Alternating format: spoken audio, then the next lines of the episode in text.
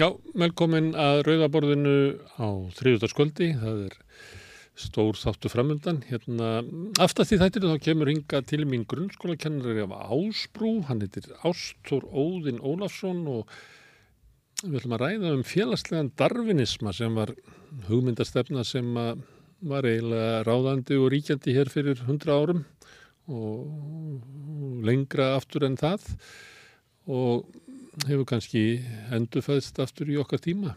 Ég ræði það við hann Ástór Óðinn sem hefur verið að skrifa um þetta meðal hann að skreinar inn á vísi.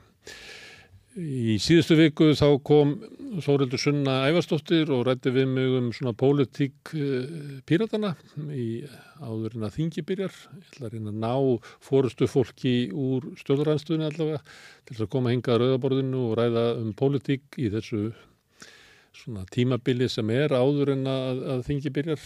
Þannig að við getum bæði rætt um pólitík dagsins en líka kannski pólitík í svona starra samiki. Þorgerður Katrín Gunnarsdóttir kemur hérna eftir og segir okkur frá pólitík viðreysnar og svona hennar mati á pólitísku stöðinni. En áður en að því kemur að þá kemur Viljámur Birgisson hingað. Hann er formaður starfsgrænarsambansins og formaður verkefliðsfélagsins á Akranessi.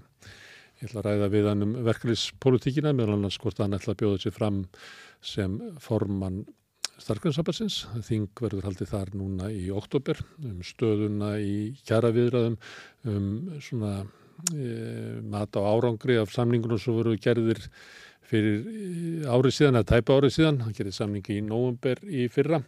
Við munum líka ræða við hann um mál sem að hann hefur verið að berjast fyrir. Hann vil til dæmis kvalveðar, ég vil ræða við hann um það og á morgun verður, verður kynnt stýrivextir á Sælabankunum og Viljálmur er mikill barðumadur gegn vöxtum og reyndar verðtrykkingu líka. Þannig að við tökum svona púlsinn á Viljálmi Birkisinni hér eftir augnablík en við ætlum aðeins að staldra við, horfa á smá auglýsingar og svo skella okkur í þáttin.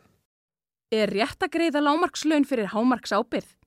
Til að manna mikilvægustu störfin þarf mannsæmandi laun, ebling, stjættafélag. Samstöðin er á öllum hlaðvarpsveitum. Rauðaborðið, Sanna Reykjavík, samtal á sunnudegi og helgispjall.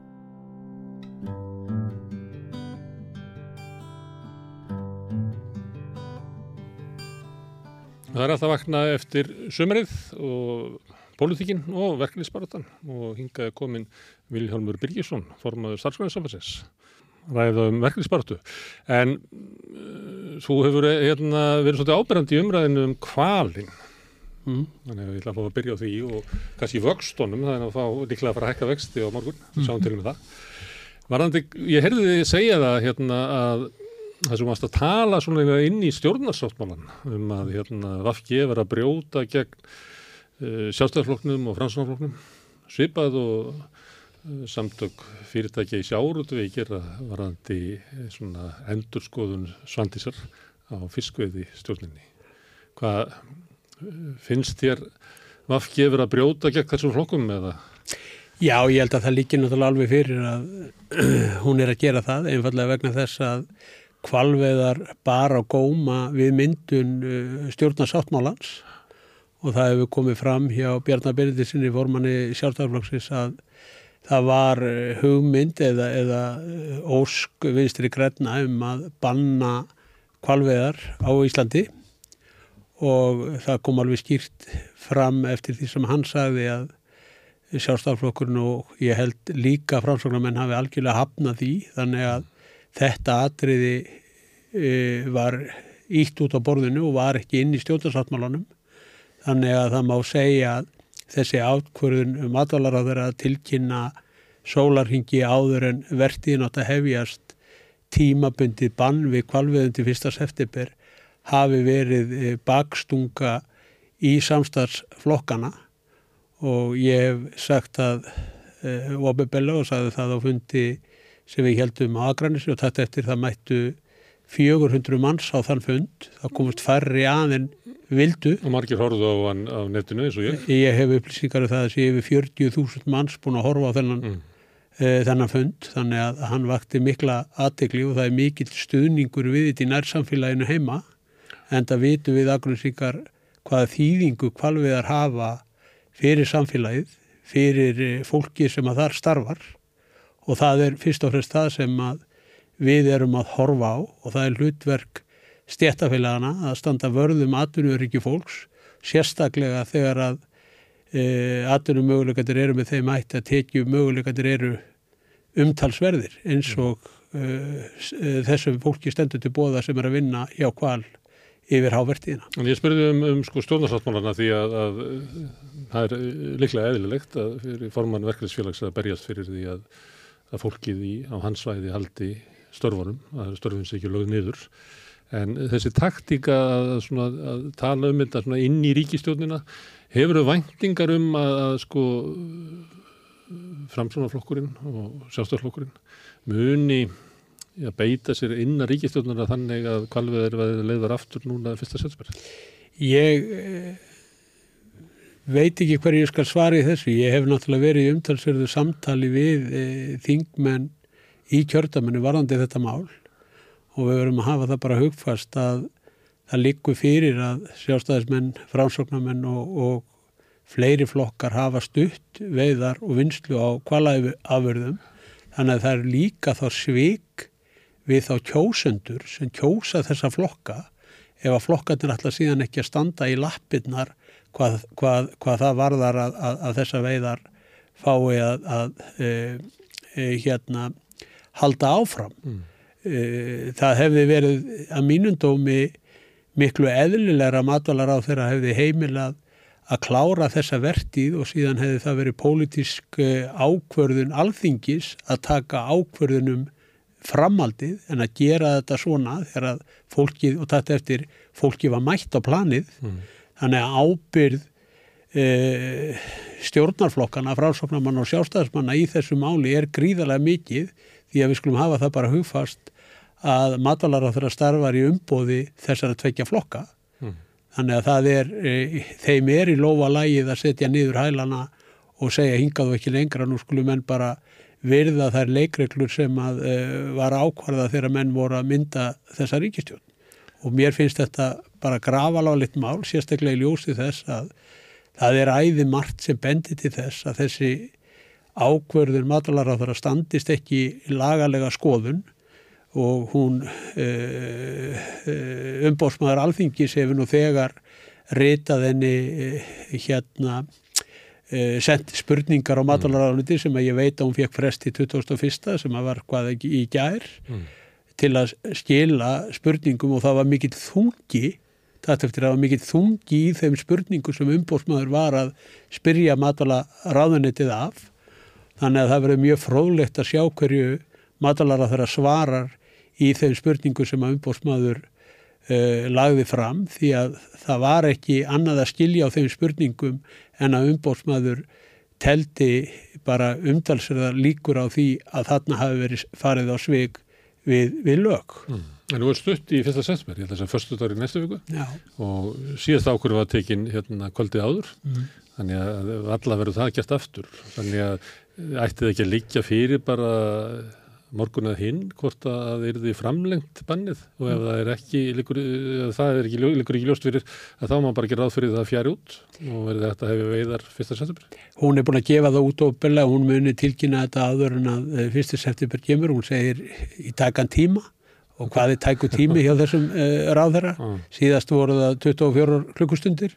Þannig að maður gerir sér ekki alveg grein fyrir því en gagvat bara fólkinu sem að þarna E, er að vinna og, og, og, og þeir sem hafa hagsmunna að málinu þá er þetta náttúrulega bara svíferileg vinnubröð að, að gera þetta með þessum hætti. Ég e, segi það alveg svo er, þetta er 1,2 miljardur sem að launatekjur starfsmanna e, nema og er það fyrir utan launatekjum gjöld. Þannig að þetta eru umtalsverða tekjur sem að þannig eru, þetta eru yfir um eða yfir 2 miljónir á mánuði þegar að hávertin stendur yfir en ég gerir mig líka alveg fullilega greið fyrir því að þetta er unnið á sólaringsvöktum og menn eru bara á hardcore sko verktíð eins og mm. þekktist hér í, í, í den mm.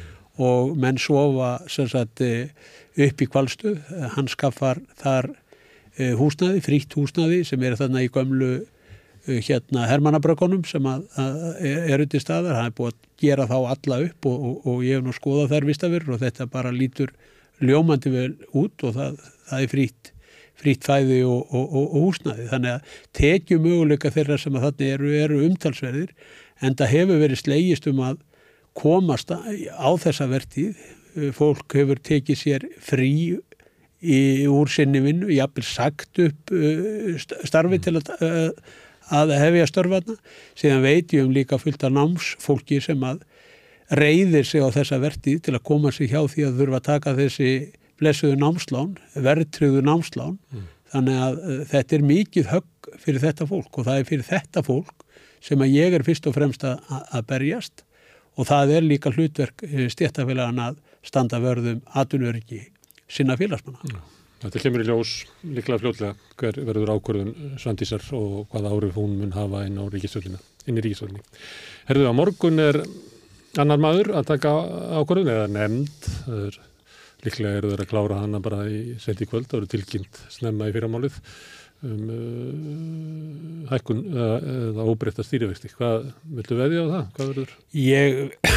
Ég skal fúslega viðkynna það að þegar það kemur að stælabankanum þá er algjörlega vonlaust að e, spá einhverju til um það en e, með að við greiningatildi bankana sem er náttúrulega alveg magnaða þegar við alltaf verið að leita til bankana ja.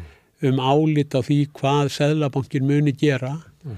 þá er ekki nema einn vegvísir þar það er að stýrivextir muni að hækka en það hafa viðskiptabankati þrýr hag, sko, hagsmunni af því að vextir hækka mm. en það likur fyrir að vakstamunur bankana hefur verið að aukast gríðarlega á liðnum hérna mánuðum vegna þeirra vakstahækana sem að Sælabankin hefur verið að tilkynna með skjálfilegum afleiðingum fyrir almenning. Og ég hef oft svona veltið svo mikið fyrir mér sko hvað likur hér á bakvið. Þá hefur maður oft heyrt frá vissum aðlum að það sé ekki hægt að vera hér með neikvæða vexti mm. sem þýðir bara mannamáli að vextir þurfa að vera herri heldur en verðbólkan á hverjum tíma fyrir sig. Og núna er hún orðin herri eh, vextirnir eru orðinir herri heldur en verðbólkan verðbólkan er núna 7,6% mm. og við sjáum að eh, breytilegir húsnæðisvextir eru kominir yfir 10% þetta er 10% sem er náttúrulega algjörlega galið. Þannig að ég gerir mig bara enga grein fyrir því hvað muni gerast. En ég hef hins vegar verið að velta því fyrir mér að þegar að við undirritum samningana í desember að þá hefur Sælabankin, ef ég mani þetta rétt, hækkað vexti sem nefnur þremur prósentum og ef ég heimfæri það yfir á skuldir e, fyrirtækja mm.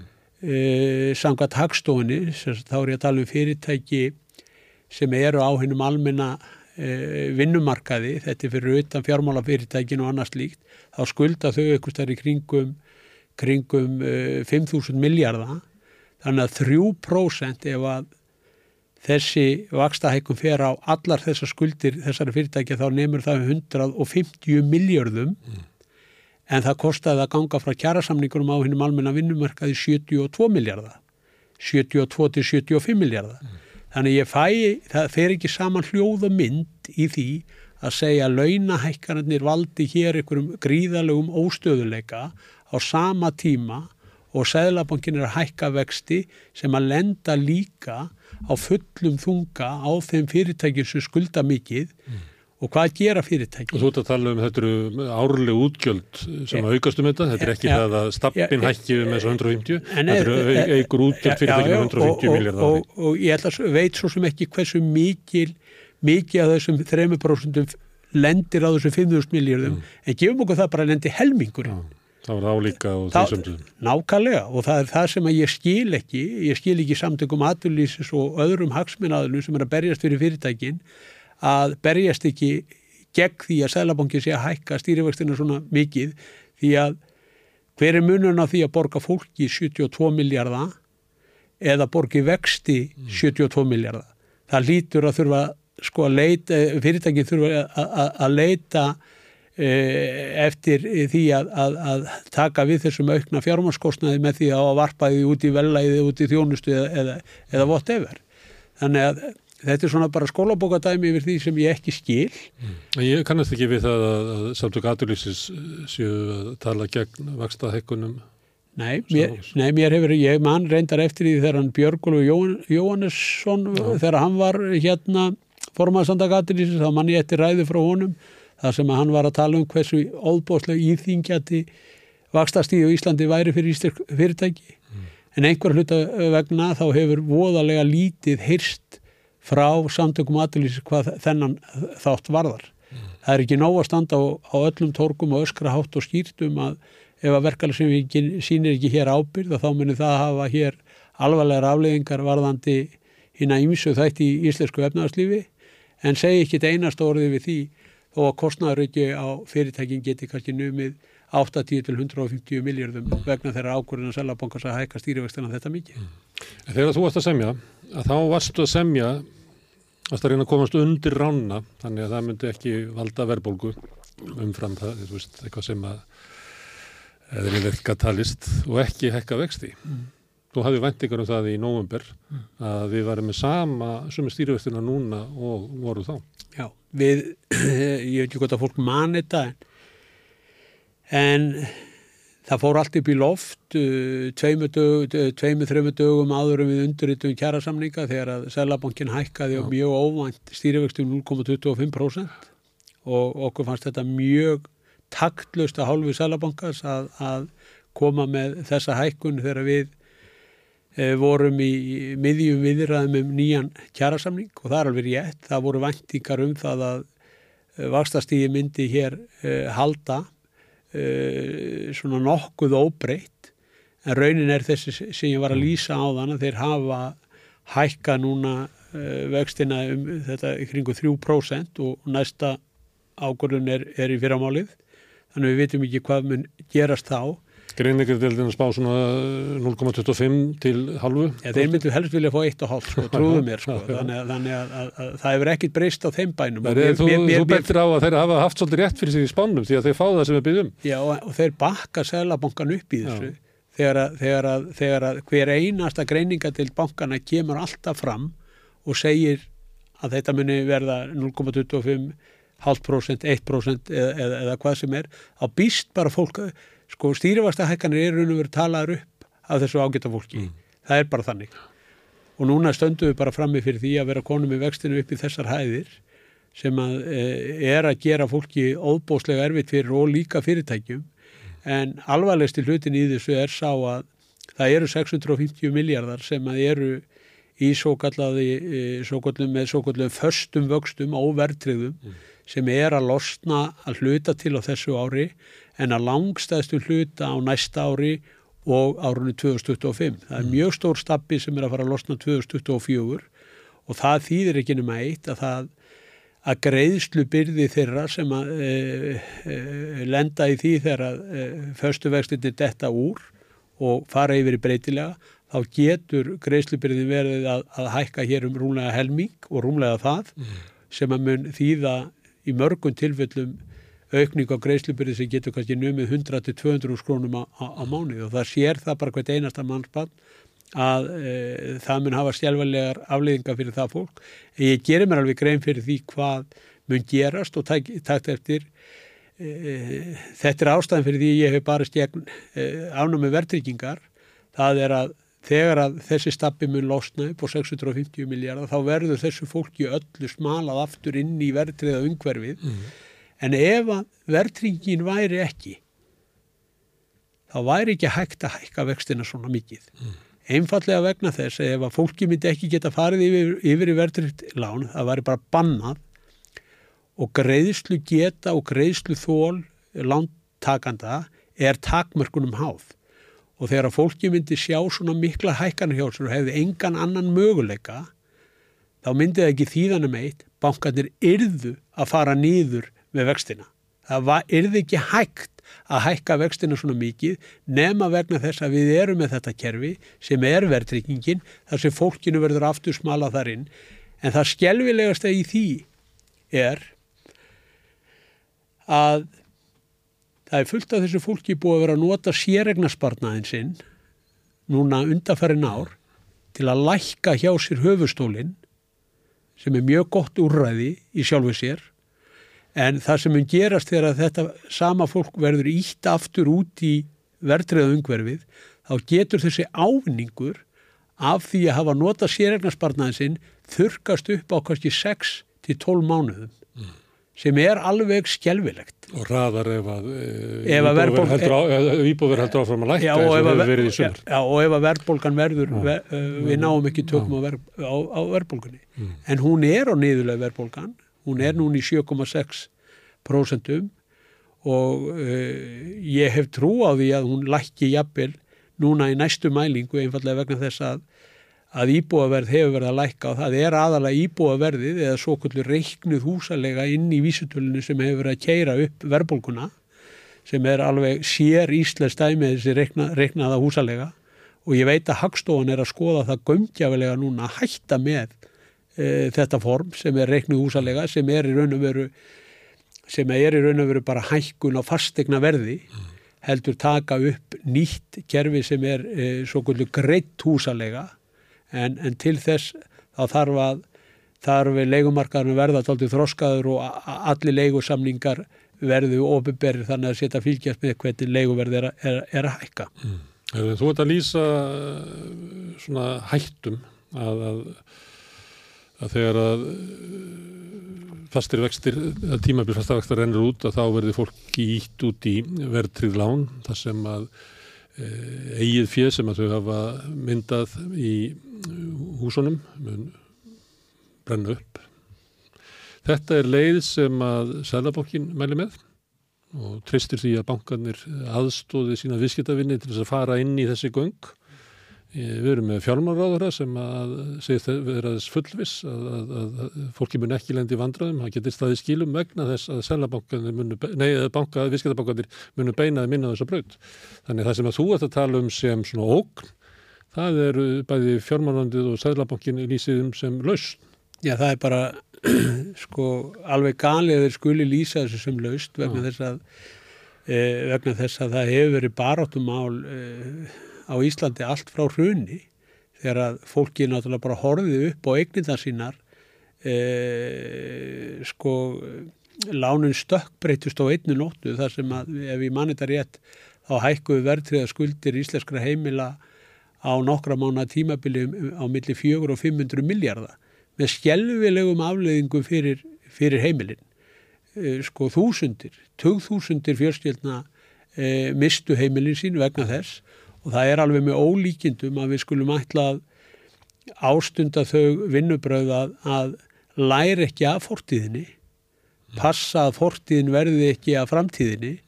En mér sínist að það stefni allt í það að að við séum að fara nákvæmlega sömuleið og ég er bara vara til dæmis við, við þessu sem að lítur til þess að sérregnarspartani þar sem fólk hefur hort á höfustólinu sín lækka niður og trúðu mér, ég er búin að heyri það mikið af fólki að þetta er algjörlega nýlunda fyrir e, fólk e, á, á húsnæðismarkað að sjá láni sitt lækka, þetta er bara eitthvað sem að á að vera sjálfsagt og er í sjálfsagt í öllum mm. þeim löndu sem við erum að bera okkur saman við. En núna síðustu svona þrjú árin þá hefur fólk verið að upplifa þetta lánin er að læka, fólk hefur verið að nota sérregnarspartnæðin en það á að íta þessu fólki aftur núna yfir í verðtrúlánin og þessi sérregnarspartnæði sem fólk er búið að nota síðustu oh þrjú árin hann getur hugsanlega bara horfið á, á einhverjum örfáum mánuðum, fer mm. náttúrulega bara eftir því hversu háverbolgan verður á þeim tíma Mm. Herðu, þegar þú ætti að semja fyrir í nógumber, þá uh, taldur þú verið að semja um hérna, litla, mögulega enga ekkun stýrjavasta, eða það veri umhverjum sem þið leði til þess. Þú vísar áðan í það að með, hérna, þú hefur lagt áherslu á, á hérna, að banna verðri lán. Það var, eitt um að það hluti af samningum sem þú gerðir. Það var í lovorðapakkanum 2019 í, í, í lífstjærasamlingum. Það, voru, það var sér sko, það var sér kabli eða sér, sér blað sem uh, hétt verðtrygging. Svo voru listu þar átta atriði og meðal annars var eitt atriðið að taka húsnæðsliðin út úr výstölni og síðan að banna 40 ára uh, jafngreiðslulán uh, og heimila einungis 25 ára lán og síðan að stíga skrefið uh, til, til, til, til fulls um, um afnáum verðtryggingar. Og þetta var inn í, í þessu sáttmála. Þetta var svikið. Sem er e, hrikalegt því að ef við stæðum frammi fyrir því í dag að þá bara, eins og ég sagði á hann, trúðu mér, þá myndi Sæðlabankin og fjármálakerfið ekki geta hækka vextina svona mikið. Því að ef að fólki fær 3-400 þúsund krónar greiðslusiðilinu lúna hjá sér og getur ekki borgað að honum, hvað heldur þú Gunnar Smári að það myndi margir mæta fyrir utan Sælabankan eða, eða niður á Östuföll. Mm. Nei, hvernig er þetta læknað? Þetta er læknað með þeim hætti að fólkinu vísaði yfir triðulánin þar sem að forstofan hefur verið mm. tekinn og, og, og svo kolla kolli eða eigna hluturinn bara minkar og minkar. Mm. Svona næst ró á þennan markað en á sama tíma ná bankatir alltaf að viðhalda sínum, sínum tekjum, sínum gróða með því að gera þetta með þessum hætti. Mm. Það er þetta vandamál að, að því verkefnsreifingunni er ofta semja og svo er bara ekki staðið við það. Uh, Félagin Ragnar Þór lýsir hérna, hann kom á eftir í þessa samlinga og laði miklu öfusla og það er eitthvað svona ábyrð varðandi verðbólgumarkminn að, að fyrirtæki eigundu myndu gangast undir einhver rauðstryk til þess að þeir myndu neyðast til þess að halda aftur af, af hækkunum sínum eða ríkistjónin halda aftur af, af gjaldhækkunum sínum, það vildi það enginn mm. Og þannig að lovorðin um að, að hérna, allir lofuðu að standa við sitt, þau voru alltaf svikið bara leið og að skrifa undir. Já, hjá þeim hjá uh, Vaffer og einamennum og annars lít á sömdurum ef ég mann þetta réttu 6,5% sko kjærasamningurinn í okkur í prósundutali var 11,24% mm. þannig að það var erfitt fyrir okkur að vera með rauðstryk upp á 67% þegar, þegar að samningurinn var að gefa 11,24% mm. við vorum þá ennþá í byllandi kaupmætti þó að, þó að, e, þó að hérna, já, byllandi, ég gef nú reyndar ekki mm. mikið fyrir þessar sko prósentur þegar er verið að tala um þetta vegna þess að þegar þú ert að leggja krónutölur ofan að lág laun að þá verður prósentan alltaf, alltaf, alltaf sko herri. Já, já, og við þurftum eiginlega að búa til sérstaklega vísitölu til þess að ná utanum þá sem eru með lægstu tekinar því að húsalega hefur hækkað og matur hefur hækkað og sömuleiti hefur verðbólgan sko bitið þetta fólk miklu harðar heldur en þá sem eru með millitekjur eða orð. Algjörlega, en samningur er samt sem áður gaf 11,24% og við stöndum núna í verðbólgi 7,6% og erum verið að tala um hún farið jafnvel niður í 7,2%. Þegar við undirritum samningana þá var markmiðið að verðbólgan er þið komið í 6% í nógumber-desember. Mm. Nú veit ég ekki hvort að það muni takast, það leiti ekki út fyrir það, menn spáðu að verðbólgan er þið í nógumber-desember í kringum 8% núna nýlega, mm. en óvænt fór hún í 7,6% síðast, mm. þannig að ef hún heldur áfram að læka, þá getur vel verið að þetta verðbólgumarkmið sem að var 6% í nógumber-desember, að það getur orðið raungerst, en, en e, það er náttúrulega mikil, mikil óvisa sem, a, sem, a, sem að varða það. Ég hef sagt það og segið það hvar sem er og hvenna sem er að samningurinn sem við gerðum í, í, í, í desember var mjög góður og ég stend algjörlega við það. Maður ræður síðan ekki við ytri aðstæður eins og þessa ákvörðu selabokkans um að halda áfram að hækka stýrivextina svona eins og þeir hafa verið að, verið að gera og miklu meira heldur nokkur einasta manngatt grunað uh, ef að verðbólgan fer niður í, í, í þetta 6-7% þá erum við alveg innan skekkjumarka með það sem við vorum að, að gefa okkur.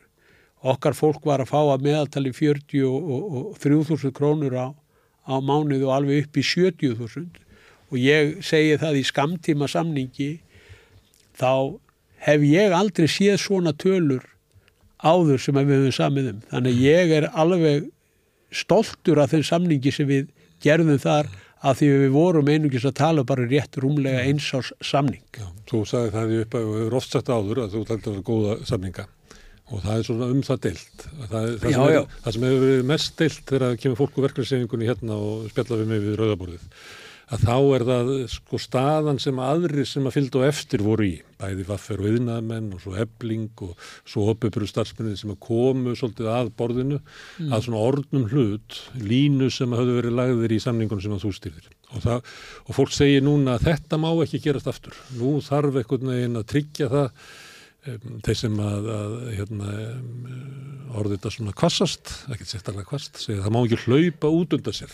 Já, og þá ser maður náttúrulega, ser maður fyrir því að það sé verið að tala um sig. En það, það er svo mikilvægt að fólk átti sig bara á sögunni. Já.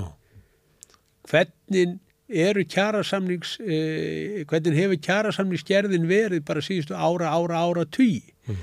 Það hefur alltaf verið þannig að e, þeir sem að fara fyrstir fram að þeir ofta tíðum sko marka einhverja línu og takt eftir línu sem að samtök atvinnlífsins ákveða verði línan. Já. Það var ekki starfskreina sambandi sem ákvað þá línu. Ég vissi vel þegar ég var upp í Karpúsi bæði samskiptu við Ragnar og við e, hérna yðnaðamenn að þeir voru að semja um prósentur en við vorum að semja um krónutulur. Þannig að línan sem var mörgu þar var ekki svo sama. Þeir fóru aðra leið heldur við. Og kostnarmatið á starfskrinarsambarsamningnum var töluvert herra heldur um bæði hjá innamönnum og vestlunumönnum. Það, það, það líkur fyrir og það er kannski eðli þess þegar þú ert að semja fyrir tekjulagsta tekjulagsta fólkið. Ég fór og kynnti sérstaklega fyrir yðinamennu þegar ég var komin á loka metrana til að segja þeim að við varum bara komni með kjærasamling sem að ég teldi okkur í starfsgrunarsambandur bara ekki geta hafnað. Mm. Fóri yfir tölunar í hverju það var fólkið, alveg lið fyrir lið, þetta var upp í karpúsi og það sem að innamenn sögðu við mig þar, samningar nefndi innamanna, við skiljum vel að þú ætlar að ganga frá þessu samningi mm. fyrir þitt fólk hann kannski hendar ekki fyrir yðnaðmenn vegna þess að þarna voru krónutulur og þeir vildu prósundur mm. og það var eitthvað sem að hérna, e, þeir þurftu síðan bara að halda áfram með að, að þróa áfram, áfram hjá sér. Þetta var... Þú kannast þess að gaggrinni já, já, já, ég er sjálfur búin að lendi í henni marg og ég fekk hana. Og Þetta er ekki bara um, um upphæðunar sem hefur verið að semja um heldur þetta líka að að það var, hérna, ef að verkefnsefingin hefði verið saminæðri þá hefðu við mögulega náð meiri árangri í, sko, ykkur frá ríkistjóninni, mögulega starri skrefum í húsnæðismálum og öðru slíku. Og þessum er, er fólk að segja hérna við þetta borð, mm. að það, þetta má ekki gerast aftur. Nú, hérna, hérna, það er svo mikið undir núna í komandi samlingum, húsnæðismarkaðurinn náttúrulega er rísamál mm. og, og það væri Það væri ekki góð nýðurstaða ef að verkefnisleiningi færi í gegnum samninga aftur á þess að, að það kæmi einhvern veginn bara já, eitthvað sjóður átt Já, já, en þá var ég líka að segja sem að jú, ég hef svo sem ekki skilið almenlega sko umræðuna eftir síðustu kjærfarsamling, ég hef verið bara alveg heiðalög með það því að já. það var ekki starfskreinasambandið eða ég sem vildi ekki sam, eh, hérna, eh, vinna með, með eblingu, það, það voru ekki við. Ég átti samtöl við sólvögu nokkru sinnum hvort þau vildi ekki koma með hvort að það er ekki betra að við værum sterkari saman mm. þau vildu fara einn og, og, og sér og notabenni ég virði bara þá nýðustuðu algjörlega en það er samninsumboði hjá hverju einasta félagi fyrir sig það ræður því hvort það er með eða ekki mm. og þú þvingar engan með í samstarf. Ég er líka að vísa sko víðaraldur það, ég er ekki uh, starfsgrænsabandi mættur um að klófi til hef... en ég er að vísa til yðinamannan og veslunamannan og líka bara samikis og BSB, það sem að er svona eitthvað uh, tilfinning fyrir það að það hefði verið hægt að ná einhverju meira. Ég tel, tel það er bara. Nú sé komin tækið, nú er tíminn til þess að mæta saminuð. Þú kannast við þetta? Já, ég kannast við þetta og ég, ég til dæmis tel okkur ekki degan en að samlega kortjum með BHM eða BSB. Nei. Ég tel okkur ekki eiga það. Allaveg ekki verkafólkið. Nei. Við hefum enga samleið þar. E, það, það er bara mín, mín, mín skoðun. Ég er algjörlega inn á því að sko gagvart ríkisvaldinu þá skiptir máli og ég hef talað um það á borði alþýðisabassis að, að þar þurfum við að vera sem einn heilt. Hvert átt einasta félag sem er aðli að alþýðisabbatinu við komum, komum þar saman sem, sem einn órjúvanleg rödd og þá þurfum við síðan að komast að samilegri niðurstöðu um hvaða atrið það eru sem við teljum vera brínust til að ná í gegn gagvart stjórnvöldum og uh, það er bara vinna sem við þurfum að vinna á vettvangi miðstjórnar alþýðisabassis hvaða atriði það verða. Uh, við skulum ekki gleima því að í lífsgjara að þá var heldar kostnarpakkin sem að þá fyldi með e, e, þeim samningum metin á 80 miljardar mm. og þar á meðal annars var skattabreitingar sem að kom tekjulegsta fólkinu bara þokkalega, mér minnir að það hefur verið þarna breytingar til dæmis á, á hérna, skattrepunum sem að skila þriðja þrepi kom og, þriðja þrepi kom og þetta var að skila láttekjufólkinu 12-14 krónum á, á, á mánuði, það voru allski svona atriði sem, sem að skiptu óbúslega miklu. Og ekki öll svikinn Nei, nei, nei við skulum alveg halda því, ég, ég myndi halda svona 30% eh, af þeim lofurðum sem að þarna voru, voru svikinn og það voru reyndar líka bara stór mál já. eins og þetta við setja með, með verðrikun og annars líkt. Leigubremsu. Leigubremsu, leigumarkaðurinn er náttúrulega bara eitt sem að er gríðalega mikið og ég hef Ég hef svona fylst mikið með formanni leyendasamtakana og ég ber alveg ómælda virðingu fyrir honum. Það var nú sár hér við borðið þegar hérna, ASI eila kvittað upp á hérna, það sem var lagt fram út úr starfsópi Fostisson.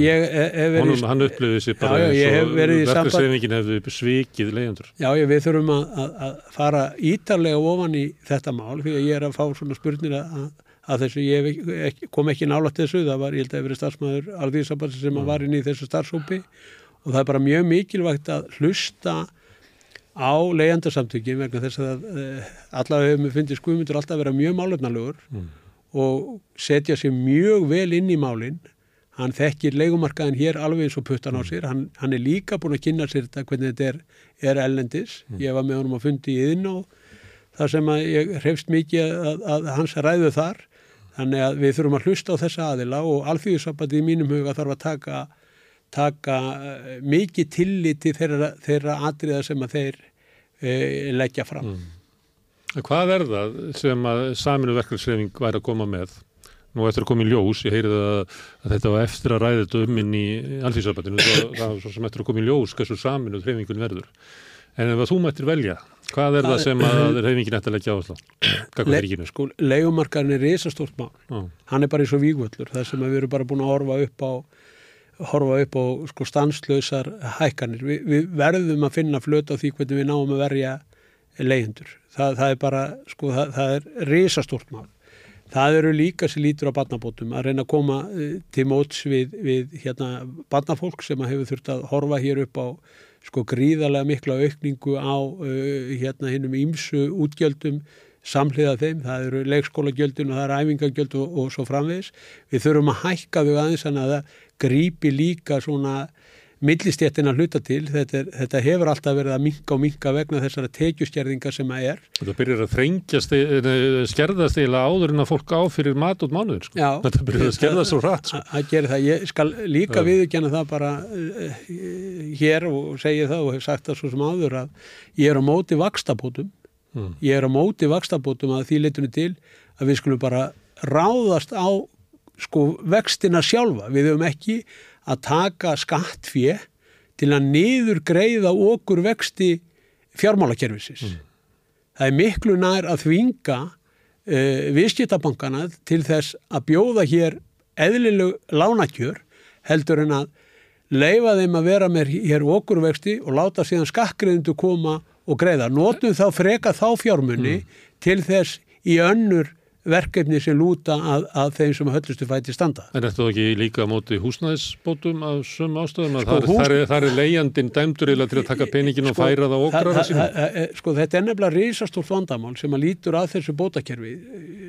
Sko, húsalegu bætunar virka þannig ofta tíðum að sko leigusalinn fylgist með sko hversu mikið þú færð, svo hækkar hann bara. Þetta er bara tilfýling allra leiðenda. Já, þe- þetta er bara þannig, bara, og það, þetta skiptir hann engum máli hvort hann að fá þetta ekki. leigjandin er bara dæmdu til að fara með peningin og þetta, færa þetta það. er eitt af því sem ég er búin að ræða við Mm. Guðmund og Guðmund hefur verið að segja mér og ég, ég tek bara algjörlega marka á honum Mm. ég líka sé þetta hjá íþróttafélagunum þar sem að, þar sem að e, bæjarfélagin eru með svona allskís styrki til niðugreislu á íþróttastarfi fyrir börn, Frístundakort. frístundakort og annars slíkt. Hvað gera íþróttafélagin? leið og þetta er komið, ef þetta er hækkað um tíu skall, þá getur þú svona okkur niður garanterað að, að æfingjöldin hækku 10 til 15 þúst Mm. og ávinningur verður engin og þetta má ekki vera svona. Því að þetta á að vera til þess að reyna að aðstóða fólki en ekki til þess að láta kannski leigusalan græða á því að það sé vera að greiða hér sko húsalegubætur og hækka þær ef að leigusalin á síðan að geta tekið þær alla til sín. Ég, ég held að, að það þurfi bara að kafa vel ofan í þetta og þetta er eitt af því sem leigendarsamtökin hafa verið að benda á og, og við þurfum bara að, að skoða þetta. En þú verður að komast einhvern veginn út úr þennan kerfið, þið góða kerfið sem að þú vilt að taki við, að á leiðinni að þá er fólk að sligast undan vakstabótum sem að leggjast harðast á hérna yngra fólk, yngra fjölskyttu fólk, fóreldra kynsluðina og leið sama með hérna leigu húsnæðisbætunar, húsaleguna. En þú getur, getur ekki haft svona sjokktrítment og stoppað þetta og vonað að verði til eitthvað betra kerfi.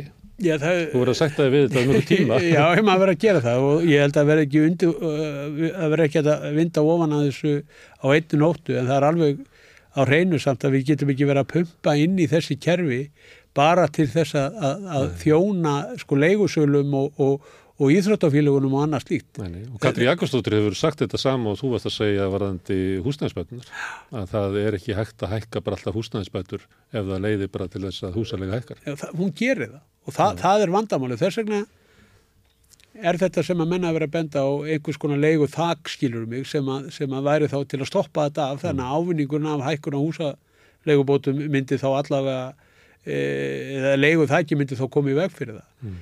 Það er líka verið að tala um að banna hér verðtriða sko, húsaleigusamninga í, í 12, sérst eftir 12 mánuði. Mm. Það er í raun og veru bara ekki nóg í mínum huga vegna þess að þá færið kannski bara upp í 13 mánuði eða 14, svo koll á kolli. Ég myndir bara segja kannski fyrstu 2-3 árin er bannað að vísitölu tengja samninga og máttu vísitölu tengja neðu ætlar að gera hér þryggjar samninga eða eitthvað þýjulíkt. Það eru svona atrið sem að hérna, leyendarsamtökin hafa verið að benda á sem að okkur í verkalsefningunni ber bara skilda til að hlusta á. Þú nefndir áðan að, að samtök aturlýsins vilja ekki gaggrína vakstahækkanir. Eitt sem er svona undarlegt þegar maður er að, að skoða kjærasamninga að, að það kemur lánuna fólk sem leigir og kemur með kröfur sínar meðan annars vegna að sko að húsalegur hækka mikið. Þá kemur manni svolítið óvart að launagreðendunir sem að greiða þessu fólki laun takk ekki undir kröfu þessum að leigumarkara verður einhvern veginn reyti hamin. Mm. Því að kakka þeim þá lítur það út þannig að, húsalega hækkar alltaf og starfsfólki kemur svo alltaf að heimtar hæri laun til þess að borga húsaleguna. Mm. Akkur er ekki samstaða við, við, við hérna launagreiðendur um þetta mál? Þetta er það sem ég hef verið að segja. Sko það er engin ávinningur í því að hækka launum 43.000 ef að sko aukning á, á greiðslubyrðið fólks hækkar um 63.000. Mm. Bara, það, það er bara engin ávinning, þá er bara ávinningur í farin. Þess vegna skiptir svo ábúslega miklu máli og ég held að það verði hlutverk okkar í verkefælisefingunni í komandi kjærasamningum að mynda einhvers konar bandalag og, og, og, og ná breyðri samstöðu um það að það þarf að kalla stjórnvöld hressilega þessu borði, það þarf að kalla e, sveitastjórnir að borðinu, sveitafílaugin, það þarf að kalla vestlun og þjónustu, jafnveg flutningafyrirtækin sem að hér hafa hækkað hér sko flutningsskjöld upp úr öllu uh, hérna valdi sem að síðan fyrir beint út í, í velið, að það er að kalla þessa aðila alla að borðinu og það þurfa allir að leggja einhvaða mörgum til þess að auka ráðstöðunutöki fólks með fleiri þáttum en bara beinum launahækunum. Mm. Og, og við gerðum þetta í lífstjærasamningnum, mér er mjög minnist að þegar að sveitafélagin skuldbundu sig til þess að hækka ekki gjaldskráðnar um meira heldur 2,5%. Ég get tekið dæmi upp á agranissi þá átti fastegnagjöldin að hækka um 20% en þau hækkuðu bara um 2,5%. Þetta eru nokkru þúsunkallar mm. og þetta telur allt. Þetta skiptir máli. Er. Herðu, í bakveð þetta að þegar þið myndið samstöðu þá er það svona verkalýspolítik. Þú ert búin að vera formaður starfskvæðarsabatsins í hvað? Já, eitt og halvt ár. Eitt og halvt ár. Alltaf, viltu halda áfram? Ég eh, get alveg upplýst það hér að eh, ég hef tekið ákvörðinu það að bjóða mig aftur fram á þinginu sem verður núna í oktober. Já, þeir eru að laga, hérna, það var þingið sem þú búin að vera í eitt og halvt ár, það Já, var út af já. COVID, það frestaðist eitthvað aðeins, þeir eru að laga raunverulega hvenær þetta kosið. svo verður það núna í, í oktober verður þingið hjá okkur aftur Já, og við höfum tekið ákvörðinu það bæði ég og Guðbjörg eh, Kristmjúsdóttir mm, að, að, að bjóða okkur fram aftur. Og ég mun tilkynna miðstjórn, nei, frangvæntastjórn starfskanarsambansið á morgun og svo erum við formannafund núna í, í september. Og við erum náttúrulega bara aðla okkur að breytum aðstæðum. Eh, Það eru 45.000 manns ennþá í, í starfskanarsambandur. Við erum ennþá staðsta landsambandið innan, innan hérna alþjóðsambansins og, og höfum bara stilt eh, hérna okkar starfsemi við þessa breyttu aðstæður og, og, og það lítur bara mjög vel út. já. Þú varst kjörinn meðan annars með atkvæðum fulltrúa eflingar, en ert síðan búin að vera, það búin að vera erjur á milli þín og Já, og Eflingar, maður, það- maður er alltaf ykkur um erjum, það fylgir þessu starfi að vera í erjum en, en það er bara grundaldaratrið ef að fólk allar að ná ykkur um árangur í, í, í verkefælisbarátu að þá verður að ríkja sko uh, samstæð á milli fólks, annars uh, getur farið illa, það bara líkur alveg, alveg fyrir. Já, en þú þvingar engan til samstarfs um, um eitt eða neitt og það er alltaf skiptar skoðanir um hvaða leiðir eigi að fara og þá bara rýður á að eh, ná í líðræðisleiri niðurstuðum það hvaða leiðir menn vilja fara. Og ég skal vera bara alveg hreinskilin við þig hér með það og hefur að byrja að skoða það að, að það sem ég sé fyrir mér í, í kjærasamningunum núna framöndan en er sama mótilið og við gerðum 2019 sem skilaði mjög góðum árangri handa tekjulagsta fólkinu. Þar sömdu við ein, einungis um, um krónutöluleiðir með digri aðkomu stjórnvalda og, og sveitafélagana.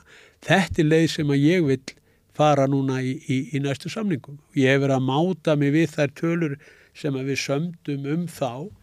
Þá sömdum við um 17.000 krónur í, í uppásækun 24, 24, 25 og síðan hafastaraukan. mm, Ég sé fyrir mér að endurvekja hafastaraukan en uppfæra kannski þessar tölu til samramis við, við, við hækkuna á, á, á, á vísitölunni og þá getur maður máta þessar tölur hvað eru þær í dag og stilt þessu upp, upp með þeim hætti. Ég sé þetta fyrir mér með þeim hætti en til að þetta sé hægt að þá líkur alveg fyrir að aðkoma stjórnvalda þarf að verða mjög myndaleg og, og, og, og, og sveitafélagin þurfa líka að- að að koma að því. Til að ná að áherslan verði á krónutöluhækkun þá þarf þetta að ná saman hérna, öllum láluna hópunum þá þarf eiginlega að ná eflingu Ég- í lið ég- ég- því að, að þið- þú ferði aðeins í efri hlutan á vaffer og ferði yðnamanna hópin ég- þá er tregða við að, að krónutölu algjörlega. Ég held reyndar að Solveig Anna uh, sé algjörlega sömu línu og, og ég varðandi það að Já, ég held að efling muni alltaf velja krónutölu Já, sko. já, já, og við munum gera það líka, Já. það, það líkur alveg fyrir. Og Ebling eh, hefur sagt það ofinbeglega að lífskjara samningurinn hafi verið mjög góður. Þetta voru fleiri atriði þar inni sem að, sem að skiptu máli. En, en ég sé það mótel fyrir mér í þeim viðræðum sem framöndan eru.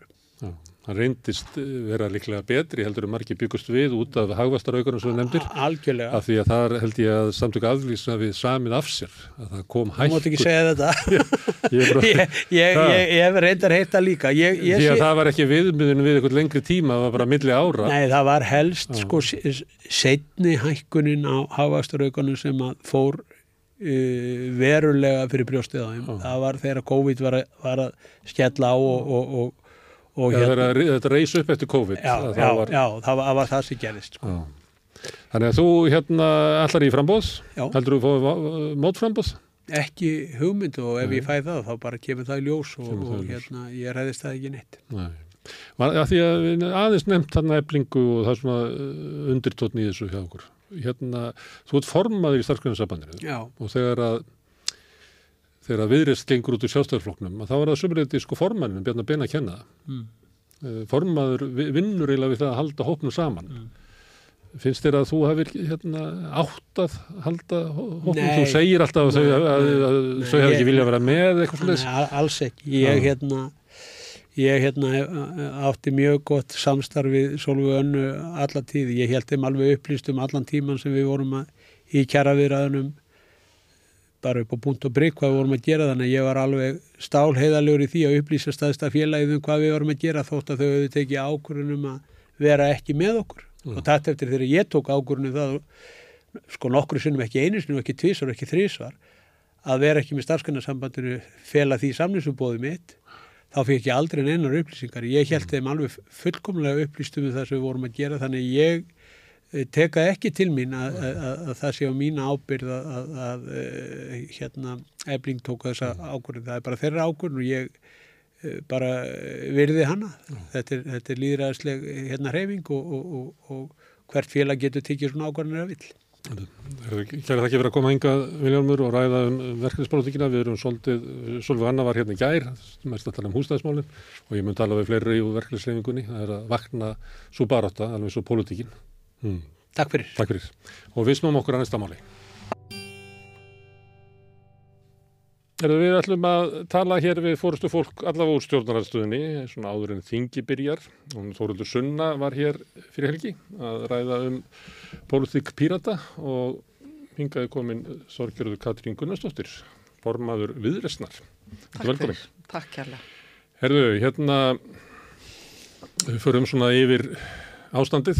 Ég veit ekki hvort við erum að byrja á því, þannig að sumarið er eiginlega svona saga uh, ríkistjórnar, óana í, í grasrút allra flokkana, sérstaklega sjálfstæðarflokksins með ríkistjórnina. Almennt mat á það að þessi ríkistjórn er ekki að fara að gera neitt. Hún hefur engan svona, ekkert bakland inn í sínu flokkum, hún hefur ekki stuðningsjóðarinnar.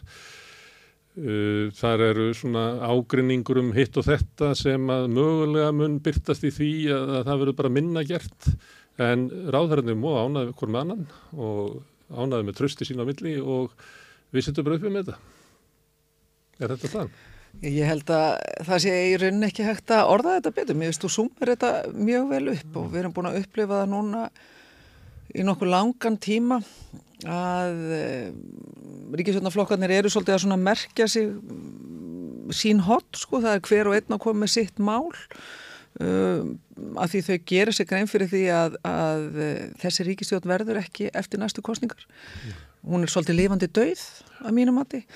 Uh, þess vegna þurfa allir að koma fram uh, innan stjórnaflokkana með sínar áslýður, sína fram á að þessu rosalega uh, miklir, já hvað, náttúruvendar sinna sem eru ekki eða lofslagsvendar sinna sem eru ekki þegar við erum búin að, okkur búin að virkjunarsinnar. fara, já, eða Eða virkjuna sinnar eða, eða. Já, já, og það er verið að tala um, um alls konar hluti sem að síðan aldrei fyllt eftir, að tekið sem dæmi að vera að tala um framsóknarflokkurinn talar um kvalreikaskatt, varaformaður þar en gengur síðan ekki eftir því, leggur enga tillugu fram það er sama með, með sjálfstæðisflokkin við erum að upplifa uh, meira og meiri polariseringu meðal annars í tengslu við útlendingamálin og við erum að sjá það að, að þessi ríkistjórn hefur ekki vald á útlendingamálunum. Uh, og fyrir vikið að þá er svona óviss og óöryggi sem sem að leiði til þess að, að þegar er ekki ákveðin stefna, ákveðin sín helst sameilin sín eins og var gert á sínu tíma 2016 að þá var uh, var svona þerrpólti samkomlag í útlendingamálum en því var síðan ekki fyllt eftir. Og þessi ríkistjórn hefur tekið þessar hluti svolítið mikið til sín, aldrei samráð við, við, uh, við reysn eða og ekki veit ég til aðra flokki stjórnarhanstöðunni og fyrir vikið erum við að sjá til dæmis um, þrjú lögfræðálit um stöðun í útlendingamálum. Þetta er náttúrulega kalið. Og, og um, En er þannig það ekki að, að uppgjöf stjórnmálana að hérna, í staði fyrir bara að taka afstöðu í, í málunum um hælisleitinda út frá bara samvinskuðinni og hjartalægi og einhver slíku sem ætti að vera í pólitíkin já, já, að þá er, er fólk alltaf að reyna að draga fram einhver lögfræði álit til þess að draga það fram að þau hafi raunverulega ekki aðstöð til þess að taka neina ákvarðanir af því að ég, ég bara, ég stundum næði þessu bara ekki. Nei, en- en hva- já, en Hvað gerist á meðan, sko, Gunnarsmári, hvað er það sem að gerist?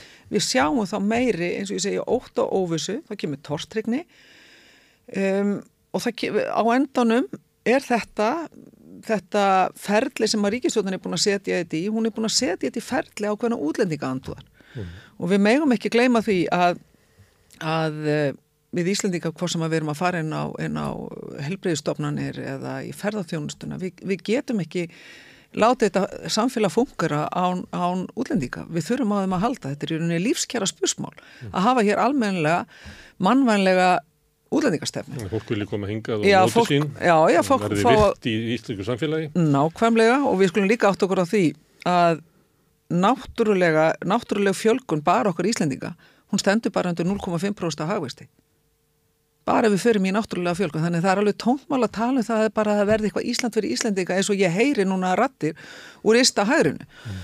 þannig að, að ég sakna þess að, að, að við sem að erum og við þurfum að koma og stíga meiri festu við sem að erum þessi skilgræning, miðjunni eða bara, þú veist, erum ekki út á jörunum mm. öskrandi á hvort annað heldur að við reynum að setja þetta í ákveðin ferli og reyna að skoða uh, hvað þetta hefur tekist best til þannig að ég sé ákveðin tækifæri því ef að, ef að fólk vil ef það ætlar ekki að nýta sér ástandi bara í pólitískun tilgangi sem er slæmt, mm. slæmt upp á þá einstaklingar sem eru hinga á komnir fólk sem er á flótta en fólk líka bara eins og þú segir, bara komið eitthvað til þess að hafa ísuga á að taka þátti og virkan þátti í Íslandskunn samfélag mm.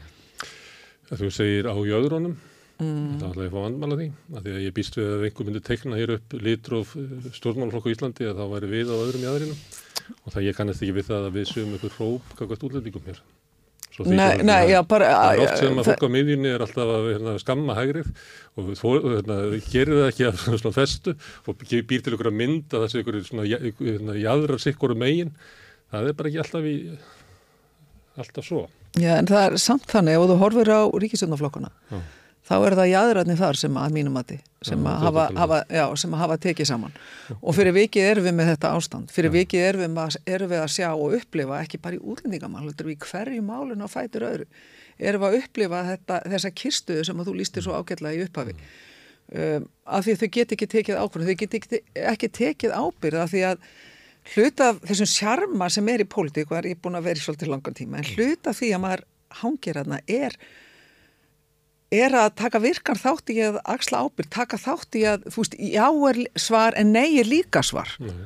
og það er eins og þau hafi ekki kjark og dög í það að segja, herðu við ætlum að, að fara hérna og, og um, einhvað taka helbriðismálin eitt af því sem við höfum verið gaggrind fyrir í viðreysna því við höfum sagt alveg skýrt að það þarf að taka Uh, og byggja ennfrekar undir heilbríðiskerfi það var stert heilbríðiskerfi við þurfum að setja meira fjármagni í heilbríðiskerfi það kom allt í nú að þessar rattir og segja, heyrði, þeir eru rosalegt vinstri fólk að þeir eru með, með hérna eitthvað áherslu að helbreyðsmál og það þýr aukin útgjöld og, og þetta er bara mínum að... Þenni át ríkisbáknið eins og þínir fyrrum félagarinn orða? Já, já, já, ég hef reyndar vara mjög við því hvernig báknið hefur þannist út en við höfum alltaf tekið helbreyðsmálun út fyrir sviða og það sem við erum að benda og förum kannski aðra leiðir heldur en vinstriflokkarnir og ég horfið til mjög svo samfélkingu og, og vinstrigræn sem að tala bara um þá að hækka skatta. Við erum að benda á það að við erum með já, svipaða skattbyrði og, skatta og aðra Norrlandafjöður, þú veist, svona nokkurt veginn, við erum bara á svipuðu rófi. Heldur lagri? Já, ég er, ekki, ég, ég, er ekki, ég er ekki alveg samanlega því, heldur lagri heldur en svíjar en, en meir en er á pari við, við Finna og, og, og Norri og hluta til Danmarku líka.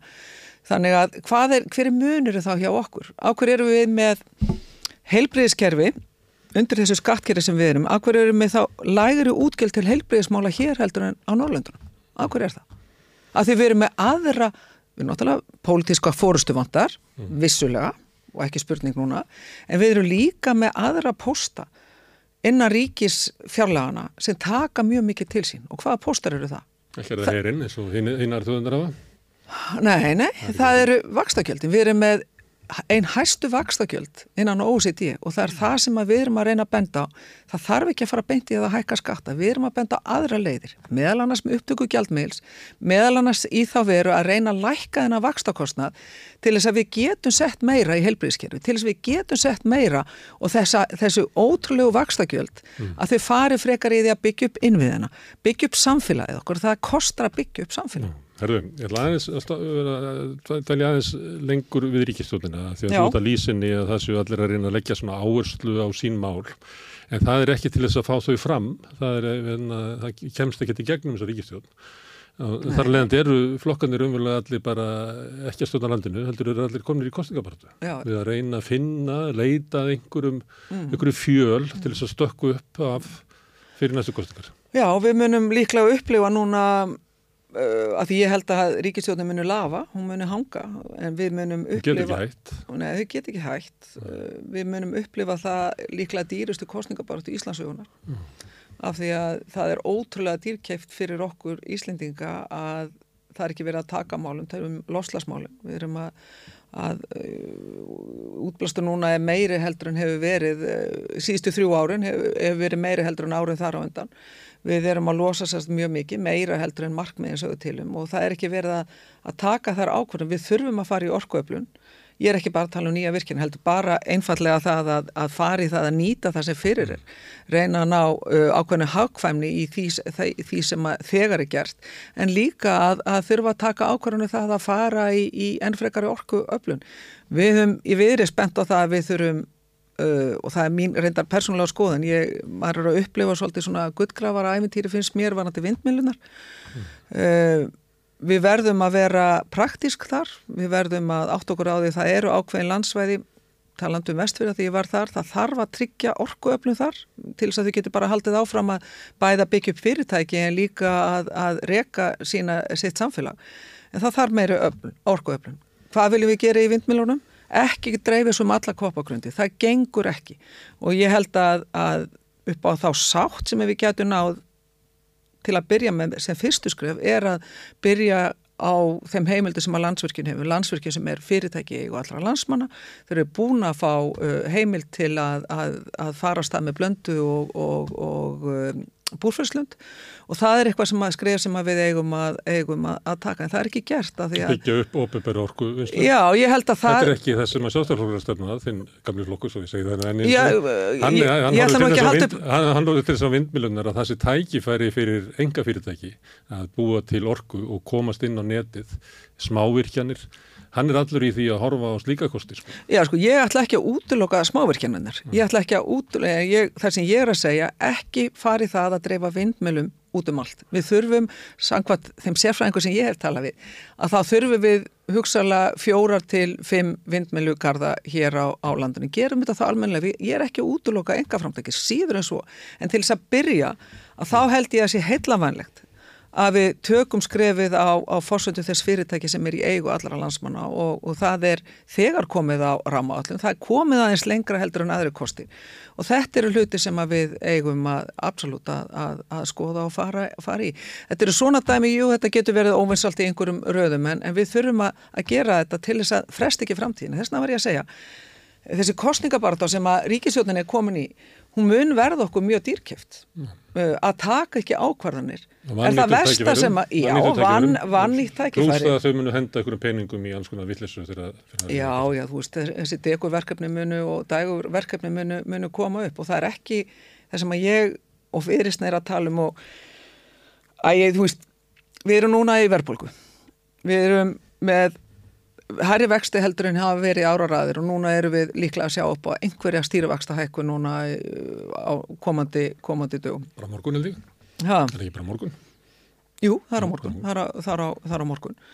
Um, og við erum að sjá hvað þetta þýðir fyrir, fyrir heimilinu í landinu. Við erum að sjá ekki síst hvað þetta þýðir fyrir, fyrir uh, láglanu fólk en líka fyrir ungt fólk sem er að stíga sín fyrstu skref.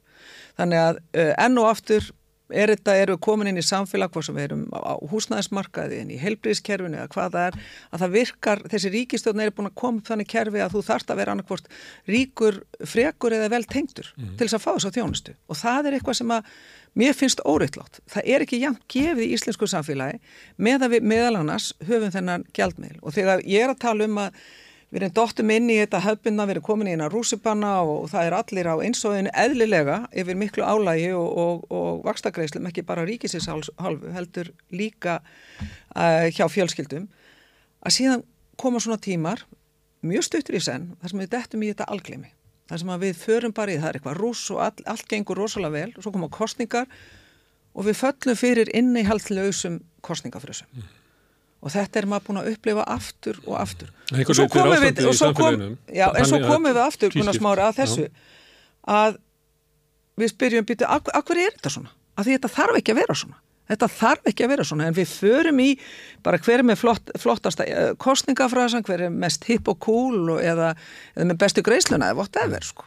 þannig að við erum að reyna að hafa þess að þólumæði í virist til þess að benda á af hverju eigum við ekki að aðtuga þetta, af eigum við ekki að klára aðeldavirðar og vel að merkja að það hefur virist sett fram ákveðna málamilun við erum ekki að segja göngum í, í Evrópusambandi það er okkar ídrasta krafa, við erum að segja lefið þjóðinni að ákveða hvort að við ætlum og eigum að klára aðeldavirða við ESB og ef hún segir já þá far þjóðin aftur tækifæri. Og þá getur hún kortlagt, er við til í hennar rússipanna, er við til í það að að, að lækka húsnæðiskostna heimilana íbúðar húsnæði sjálft um tvöfald eða þrefald, erum við til í það? Erum við reyðibúinni að fara inn í stöðugra umhverfi, meiri stöðuleika meiri, meiri, fyr, meiri svona forsjár, eða forsjálni?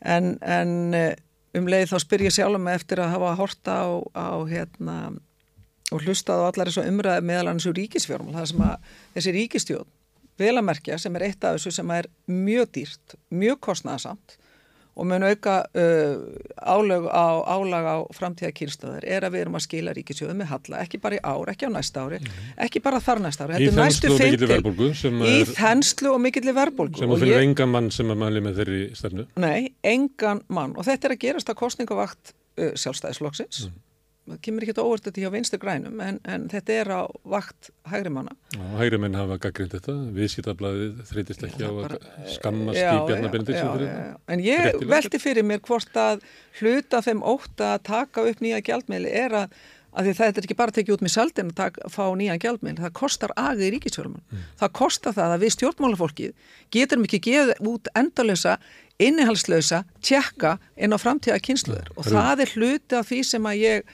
held að sé mikill fengur í Mm. að, að allavega fá þetta á hreint hvort að við eigum að klára aldavera við Evrópusambandið eða ekki. Þannig að það þetta er okkar málamál. ég geti dreigið þetta saman þá gjörðum en það sama hvað standamálið er, svarið er evra sem er, og þú uh, Sko, til ekki mikla áherslu á það en þá já, kemur, við- ég kemur við- einu, já, einu finnst- mér gátum íslenska stjórnmála Já, að þegar að samfélkingin sem hafði sömu stefnu í Evrópumálum og þið leggur hann til hliðar að þá hefðu líklega allir spáði að fylgi viðrista myndi vaksa við það að þið sættuð ein eftir með þessa löst í að við vitum alveg það er hópur þarna úti sem að, að telur að, að Ísland eh, ætti heima í Europasambandinu og að ef Já. hann sé lausn margra vandamála og svo ekki deilum það hér en á hverju eh, hækkaði ekki fylgi ykkur við þetta? Já, ég held að það séu svona ymsar ástæða fyrir því meðal annars að, að það er alveg ljóst að það er þú mótmælir því eflaust að því ég segi vinstri en það er vinstri strax, slagsíða núna í íslensku sa- samfélag við sjáum það á skoðanakonunum, við sjáum það að, að það er samfélking ef við leggjum saman fylgi samfélkingar, vinstri græna pírata flokk fólksins og ykkar sem er, hafi nú verið vaksandi að þá er þetta vel yfir 50%. Það getur vel verið að þú set ekki sammála skilgrinningunum hvað er vinstri en, en ég sé þessa flokka sem, sem vinstri og vel til vinstri við það sem að viðstöndum Það er stöndum eini til. sem er að vaksa þarna er samfélgingin sem er náttúrulega bara Nei, er ekki þið að, er, er ekki þið ágættur róli? Nei, við erum svona í kjörfylginu Já, svo er píratar, þeir eru alltaf þeir hafa, hérna hafi komið svona svo vög, vöxtur samfélgingarnar Já. hefur sett þak á bæði pírata og ykkur. Já, það sem að ég held líka Píratar hafa lækkað uh, sko frá því að þú tekur svona Mm. Árin í kjörtímabilið og ég held að ég líka við um ykkur að það er eins og sko samfélgingin og Kristóf Frostóttur það er svona stólið svolítið þrumunni uh, það, ég, ég myndi ekki treysta með þess að meta það hvaða stjórnmálaskoðan er liggja baki því fylgi sem að leggur núna upp að bryggju hérna samfélgingarnar Líklega er þetta að svipa fólk og lagðu upp að bryggju framsónar hérna fyrir síðustu kostningar. Það Ekkert tíma ólíklegt? lágum við bryggju pírata og ég kann ekki að ráði, ráði í þetta. Hvort þessi Nei, vinstri það- hægri svipla sko. Nei, það sem að maður hugsar og, og, og, og í rauninni eina sem að maður getur gert er að halda áfram að tala fyrir því maður segja hefur sannfæringu fyrir því? Að því ég hef sannfæringu fyrir því að, að stefna viðristnar sem að uh, hefur ekkert breyst frá því að viðrist var stopnum 2016 við hefur rætt um almannahagsmunni fram að sérhagsmunum við höfum ítrekka lagt fram uh, tillegunum það hvernig hægt er að taka á uh, og auka réttlandi þegar kemur að öllindaskiptingu í sjáuröldvei, höfum fengið bátt fyrir mér, þú veist alltaf því það eru öruglega sko píluspjald á mér í, hjá SFS og viðreist þegar kemur að, að sjáuröldismálum og það líka saman við allar aðrar öllindir að við erum að segja að það þarf að gefa rétt, það þarf að því annars erum við að sjá fram að misskiptingu ekki bara næsta árum heldur um um áratöyu og um aldir. Þannig að, að við hefum verið að, benda á þetta. Þetta eru almannahagsmunni fram að sérhagsmunni. Við hefum verið að benda á jantvægi atkvæði, einn maður eitt atkvæði, svona grundvallar prinsip. Við hefum ekki kvika, kvika frá því og við hefum, hefum sagt að við teljum að, að við þurfum að auka samkeppnisefni þjóðarinnar og við trúum því að við getum verið þetta, þessi flokkur sem er ákveði jafnvægi á milli frjálsframtags annars vegar og velferðar hins vegar. En það var, hefur við frá upphæfu sagt, þó að skilgreingandar megi, megi hérna deilum, þú veist, hægri hagstjótt vinstri velferð. Við viljum að, að þetta frjálsa framtak, eh, einstaklingsfrelsið, fá að njóta sín um leið og við segjum, það þarf að tryggja þetta velferð. Og það er gamaldags hugsun að fólk sem að hefur skilgreint sig hægra með við miði eins eins og ég, að við meðum ekki hafa skoðun á á, á útgjaldalið ríkisins að við mögum ekki hafa skoðin á því að, að til dæmis mál sem að við lögðum fram og við fengum alla flokka til þess að samþykja um það að niðugræða sálfræði þjónustu að því við höfum sannfæringu fyrir því að með því að niðugræða sálfræði þjónustu og forgámsræða henni sérstaklega fyrir eh, eh, tekjulagt fólk og, og ungt fólk sem að þarfa á þessari þjónustu að halda þá eru við að fyrirbyggja frekari kostna síðan meir fyrir, fyrir kerfið. Að þá eru við allt í norði svakalúr útgjaldaflokkur sem, sem að flokkast til vinstri. Eða þegar Og fjármálaráðaniti Bjarnar Berðinsson stóð nú staði fyrir, fyrir því að þetta virki, þetta kerfi. Já, já, það, það er bara... Kom ekki peningarnir, já, já, þetta er hefur... bara hugmynd og bladi, þetta gagnast engum. Nei, en svo hérna, já, algjörlega, það mm. það er bara hann, þau hafa sagt stopp.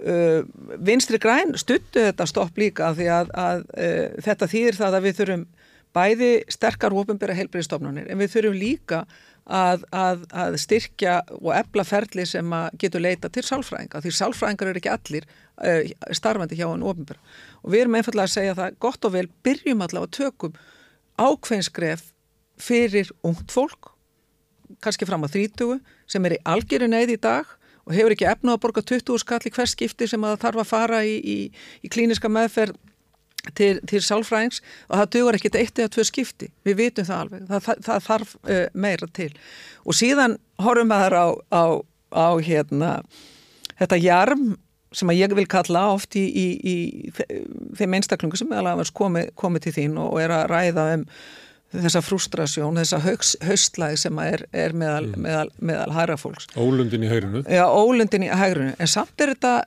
sama fólk sem að stiðu flokk sem að, sem að skilar halla á fjárlegum ár eftir ár mm. skilar um, segir nei ákveðinu frelsismálum þú veist svona þessum litlu máli sem erum alltaf berja sig á brjóst þegar við lögðum fram til og að leggja niður mannanapna nefnd og segja bara fólk að fara að ráði svo sjálf hvernig greitu það aðkvæða móti? Var sjálfstæðislokkurinn þannig að þegar þau fá tækifæri til að sína sína frelsislið þá gera það ekki. Ekki svo lengi sem að, að, svo lengi sem að, að það ognar ekki Já. þeirra stöðina ríkistöð. Ég ætla að spurja um hérna með efruna og viðrist að þeirra samfélgíki fer. Já. Maður gæti dreigð álegtun, já, byttu efran og Evrópussambandið þó að kannanir síni þessu 40% sem að vilja mm. þarna inn. Mm. Þá er þetta ekki bara svo hátt á, á áherslulistanum að fólk hérna, kjósi flokka út frá mm. þessu svona með. Mm. Eða Eh, þó svo að samfélgíkin hafi gefið viðrist þetta mál sem mm. er vinsall með 40% af þjóðarinnar þá bara er við, viðrist ekki bara flokku til að taka við þessu að það er eitthvað að viðrist þannig að Evrópufólkið þó svo að vilji fara inn í Evrópu mm. vill ekki hérna, leggja atkvæðið sitt eða segja það í konunum allavega að það kjósi viðrist hvort er eitthvað að viðrist eða er Evran ekki það stór mál sem að maður gæti ætlað að þeirra fólk er spurt sérstaklega útið. Já, ég held að það sé kvorugt ef ég á að segja eins og er. Ég, ég held að þetta sé svolítið þetta sem við vorum að, að ræða á þann, sko, þú veist, þegar samfélkingi var á sínu tíma upp á sveit besta með, með 30% fylgi að, að þá voruð mjög skýri í sinni Evrópastefnu. Þá voruð með 30% fylgi hérna 2000 6, 7 eða hvað það var sko. Flokkurinn er mörgulega stopnaður kringum kring- það að fara inn í Európa Já, já, þannig að, að Og hérna, það er ekki og það er ekki þannig að, að samfélkingin sé búin að láta af Evrópustefnu, hún er búin að setja hana bara neðar í bunkan, hún er búin að setja hana í, í skúfuna. Það sem er svolítið munur á því hvernig þú talar því að ég er bara að tala hérna um, um, um málefni dagsins Já. og þú ert með það að Evróan sé svarið því þó svo að líklega bæði þú og ég vitu það að til þess að koma Evrunni í ganga þá myndir það ekki að þið 8, 9 eða 10 ára komast ánga Já, þú veist, Króata fór í þetta strax. Á sama tíma við sóttum um á sínu tíma, þá sóttu Króatar um. Nú eru þau komnir ekki bara inn í Európa-samvættu, heldur tók upp efru um síðustu áramót.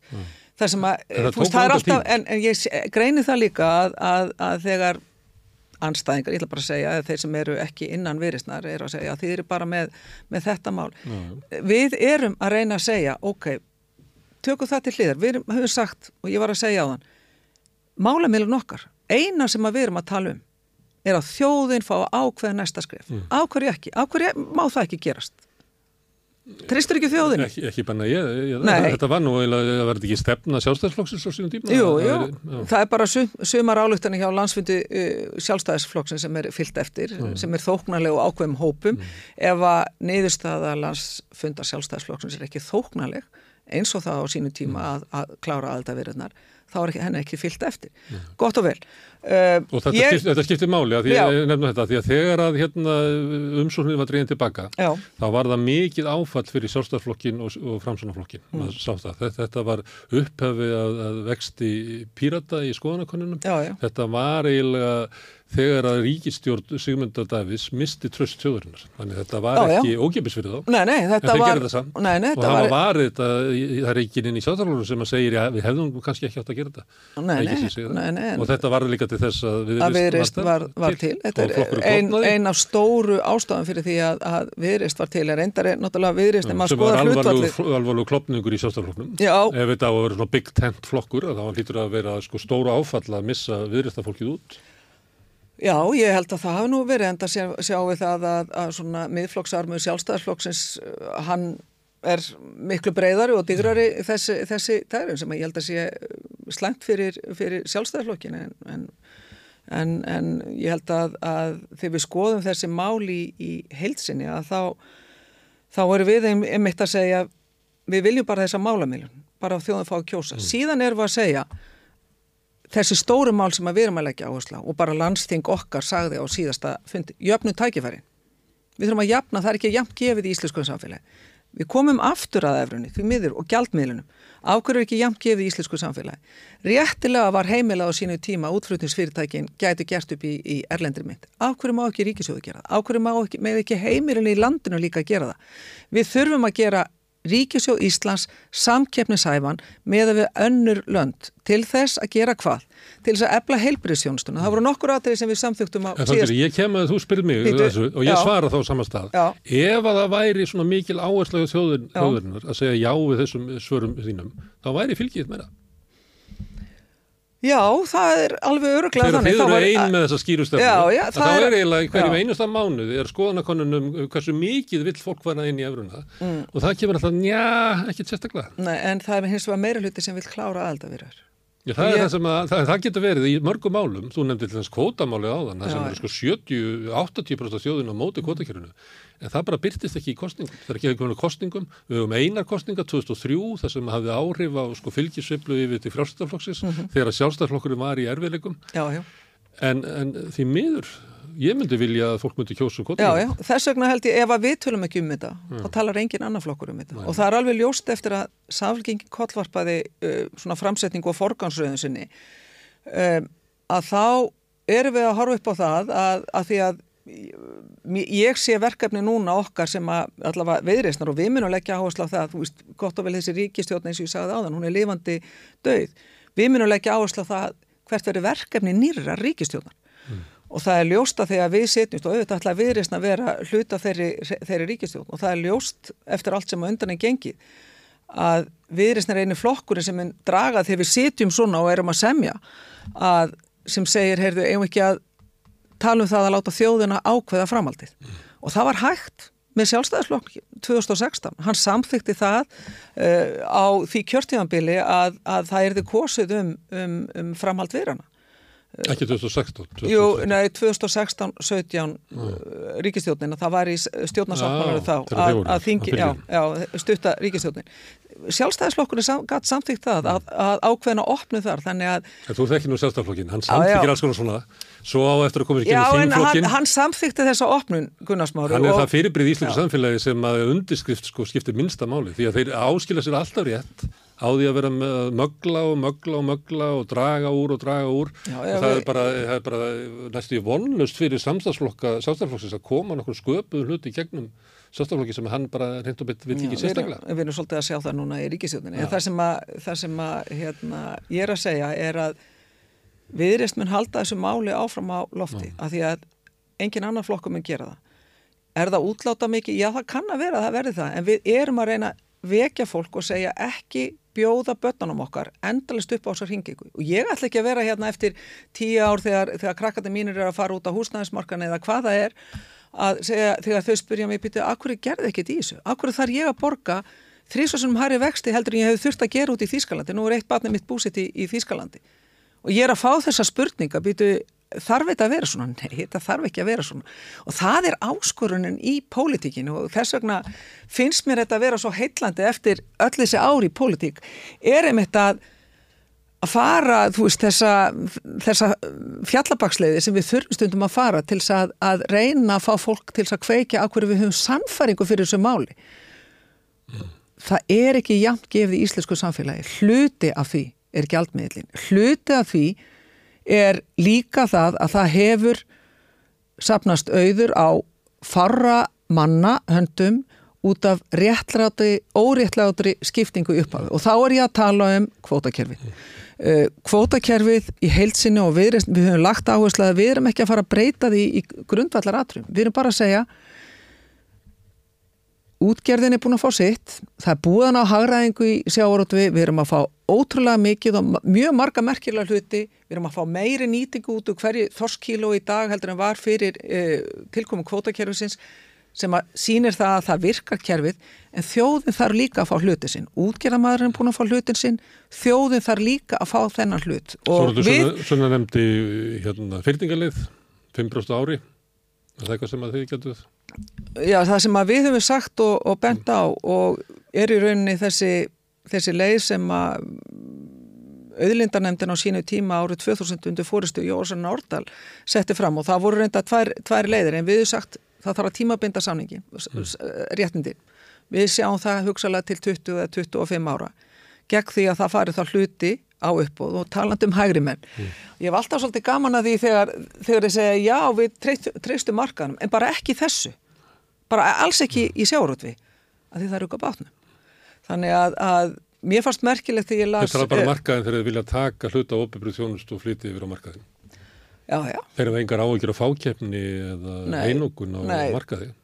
Og það er hluta því sem að viðreysn hefur tala fyrir, ekki bara markasleið í sjávarútu, því við, við, við trúum því að markaðin geti leist þetta, heldur líka það að, að við erum að sjá fákeppni verða sterkari í dag heldur hún bara var fyrir nokkrum árum, af því það er um, við samkeppniseftiliti hefur ekkit rosalega stuðnings uh, rosalega mikið stuðningsfólk innan ríkisjónarinnar. Það er frekar bara- það að, að, að bæði sjálfstæðaslokkurinn með hinnum ríkisjónarflokkunum hann vaknar ef að það er hægt að gera skýslunum samkeppniseftiliti og er- hvernig hægt er að taka það niður í stað fyrir að, að styrkja heimildir eða gera það skilvirkara. Ég get alveg tekið undir það að það má alveg vera skilvirkara en það er út af því að, að það hefur ekki um, fengið þann stuðning sem, í gegnum árin til þess að sinna því sem að það þarf Það að, bara annar að gera. engu nema að taka til meðferða sko samruna Já. skýslur. Það Já, er, er engum sjálfstæðum rannsóknum á tryggingamarkaði eða bankamarkaði eða maturumarkaði. Það er engum, þeir skrifuðu örlittla skýslu núna fyrir síðustu jól Já. um, um hérna um maturumarkaðin sem Mm. hefði átt að vera tilhefni ríkistjónuna til þess að setja þær í gang alvöru rannsókn á þessu því að þau voru að benda á að, sko, Mm. að álægningi væri mjög hækkandi á tíma verðbólgunar en þetta var bara svona, það var valla kroppað ofan af Já. vandamálinu en Já. ég minna samkynnsefli hefur Já, ekkit afl til Já. þess að nefna að taka til meðferðar hvort að, að majónes versmiðan megin saminast kóttursólsversmiði Nei, nei, en við sjáum það talandum að þú vorst að tala um bankamarkaði.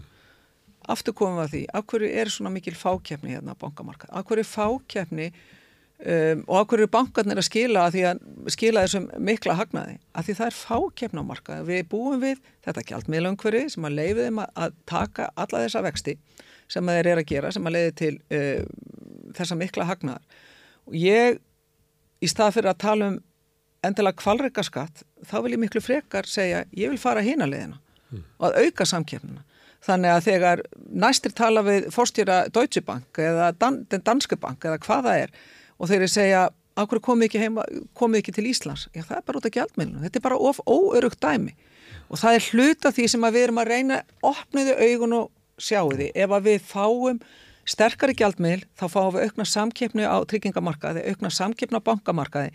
Það er til hagspóta fyrir heimilin. Og þess vegna uh, ekki alveg uh, alltaf. Það eru mörg dæmi um uh, en, erlendabanka sem hafa farið inn til dæmis í, í austur Európu land sem eru bara málaferð út af sko, stórgóðsluðum, brotum og eitthvað fleira. Þannig það er ekki það er ekki alltaf betra að fá erlendabanka hérna ég veit ekki hvaða banka það vil fá, Danske Bank, Deutsche Bank, þetta er allt sama bankar sem eru í sko stórgóðslugum nexlismálum sem eru bara stýrt í þá sko hinn allra ríkustu, notaði, notaði til þess að svíkja undan sköttum og eitthvað flera. Þannig að við verðum líka að tala svona um auðvaldi sem eins og það er, Já, en ekki eins og það er, er í, í kjenslubókum Uh, stjórnmálaskóla sjálfstæðarflóksins Nei, ég bara ef að við skoðum það, það sem að samkeppni hefur orðið og ef að þú skoðar niðurstöður eða, eða grunninn í Hagstof Íslands til dæmis var þetta matakvarfinu þar sem að er bæði samkeppni og þar sem að er auki frelsi, þar sem er ekki þessi mikla tollvend uh, þar sem að til dæmis þar sem að mjölkuverur mjölkuverur hér á Íslandi eru hærri, eru dýrari og þar eru hækkanandi mæra. Alls það þar sem er meira opnun, meira frelsi, þá hækka vöru minna. Það er vöru sem að njóta vendar, einogunar. Mjölkin er ekki herri hérna, það eru eggin og kjúklingurinn. Já, já. Því að mjölkin er niðugriðt, að þá er hún svona á pari við það sem er útlöndum stundunlæri, en það sem er, er innflutningsvendin, mm. en ekki niðugriðsla, eins og í eggjum og kjúkling, já, þar eru við að borga þrefald og fjórfald. Já, hækkanirnar eru mestar þar sem einogunar eru mest. Já, það sem að tollvendin, það sem, já eins og ég segi, einangunum er mest. Og það er þetta sem að við í viðreysni erum að segja, við þurfum að brjóta þetta upp, þetta er miðalans í þá neytenda.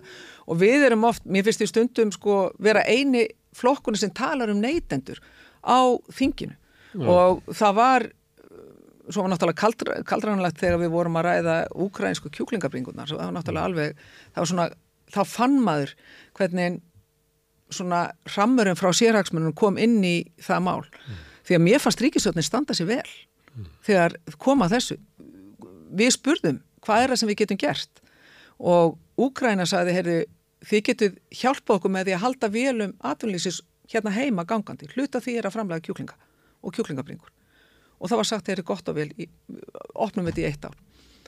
Og ég held að það ætti að halda áfram uh, að gera það. Og ég merti það á, á fórsettisáðara, hún var sama sinnis en svo kom bara bremsan frá frá hérna frá þessum hagsmunna öflum og það þurft að passa upp á, upp á kjúklingarna og mata og allt þetta, öll þessi stóru fyrirtæki. Þetta er ekki bara þessi litli fyrirtæki, þetta er bara nokkur fyrirtæki Þetta er alltaf tvö og halvt félag í Já. fyrirtæki í hverjum geða sem hefur verið að venda sko. og það er einhverju stríði gegn neytundum en, en þetta vilja ekki þessi hægri menn eða svokvöldu hægri menn hlusta á. Mm. Þegar við erum að benda á, heyru, það er að gera fullt af hlutum hérna til þess að opna samfélagi, auka samkeppni, uh, minka fákeppni, þú veist, auka frelsi. En þá er þetta að styrkja samkynns eftirliti, þá er þetta að styrkja eftirliti já, ég, með markanum, já, því ef að markanlátinu veitinu vera eftir, já. þá endar hann í fákeppni eða einungun, það er bara þannig. Litli, alveg... Stóri kaupi bara litla og sittur eða eftir, og það er staðin sem við erum með. Það er hluti af því að auka hér samkeppni, er að við höfum virt samkeppniseftirlit og, og og við erum að sjá það, það er margt að segja um Európa-samband að það sé ekki að standa svo ymsus við, menn það er þó að standa sig á samkipslugum. Það er það sem að við sem lítið land höfum ekki bólmagni, við höfum ekki bólmagni þegar að fara í stóru fyrirtækin eins og Apple og Google og allt þetta. þetta þarna eru, er Európa-samband að setja þeim stólu fyrirtæknar, varandi samkipsmál, varandi það hvernig þið haga sér á markaði. Þau eru líka að setja svona alls konar stórfyrirtækjum ákveðna reglur í þáu neytinda eins og gott að mér náttúrulega bara uh, verðið á reikisamningum með símafyrirtækina. Það er ekki ennþá þegar við ferðumst til útlanda að við, það er ekki fyrsta sem við gerum lengur er þegar við ferðumst til Evrópu að setja hérna og loka á, á dataróming sko. Mm. Við getum á þokkalú verði haldið áfram að tala saman og, og það er hluta af þessari neytindavend sem að mér finnst uh, Európa-sambandi hafa staðið sig þokkalega vel í.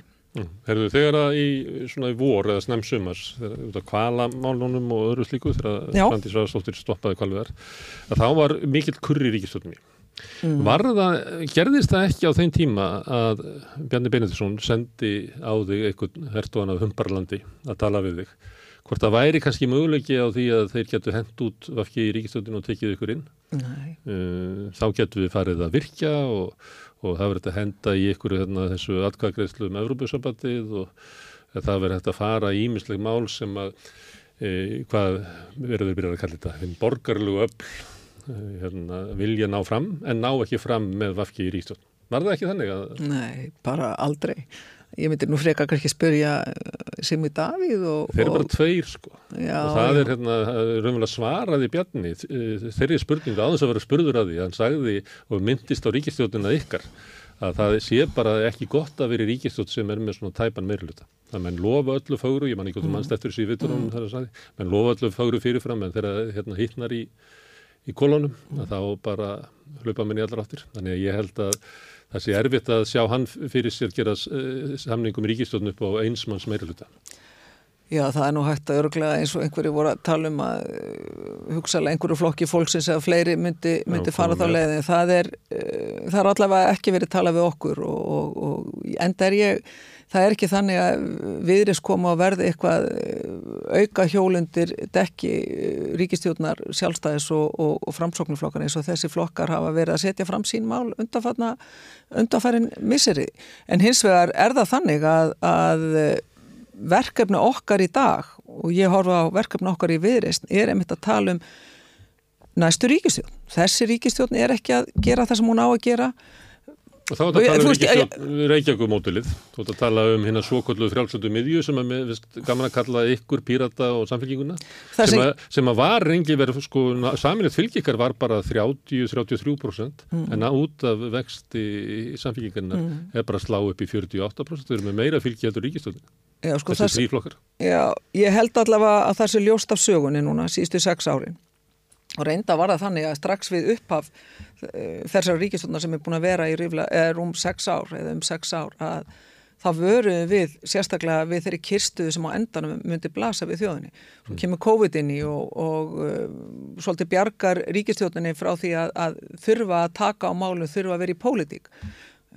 Síðan eftir á getum við sjáum við það líka að, að hérna, ríkistjóðnaflokkarnir sjá ferðarþjónustuna, það er eins og þau hafa aldrei gert ráð fyrir að ferðarþjónustuna myndi fara upp aftur.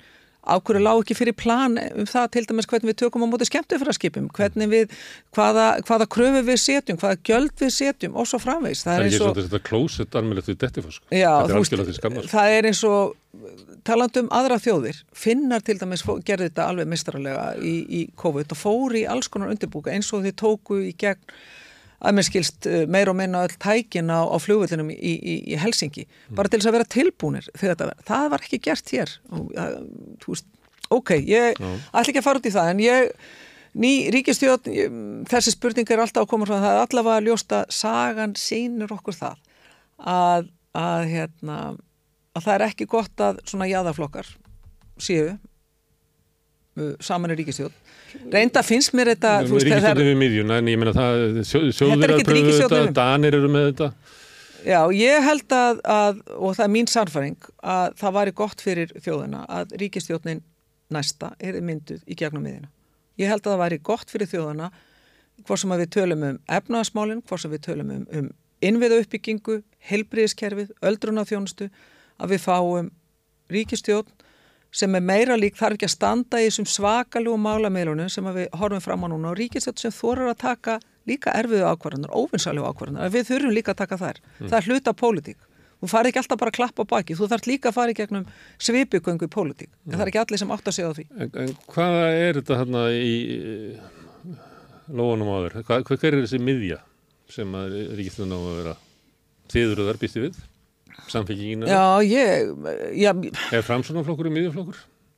Ég, ég hef nú hort á framsóknarflokkin sem þó að, að hérna, það er margt sem okkur greini á í, á ákveðni svim og þá hef ég nú í gegnum tíðin að hort á, á framsóknarflokkin sem svona ákveðin miðjuflokkin, hann er hef náttúrulega við sjáum það líka að, að þetta er oft mjög tækifæri sinna flokku bara að koma sér í ríkistjóð er svolítið eftir hver snýra aðmanni sko, Sigurður Ingi, það er hægri og svo kemur Lilja og sínir eitthvað vinstri og Sigurður og svo Ásmundur Einar og það er svolítið svona Já, fyrir eftir því hérna, hver, eh, hvaða öll Já, ná svona áhrifum inn í flokknum sko. Já, það er held ég bara svolítið klókt hjá þeim og, og ef að ég horfi á, á til dæmis okkur í virist að það sem að mér hefur þótt gott er að við erum þráttur að vera ekkert íkja stór að þá höfum við verið með fólk sem að kemur svolítið breyta að en það saminar þau að jafna leikin, þú veist, hvort sem að við tölum um Evrópussambandið en líka í helbreyðismálum, í öðlindamálum þessu, veist, og að gera okkur samkeppnisæfari sem, sem þjóð og sem land.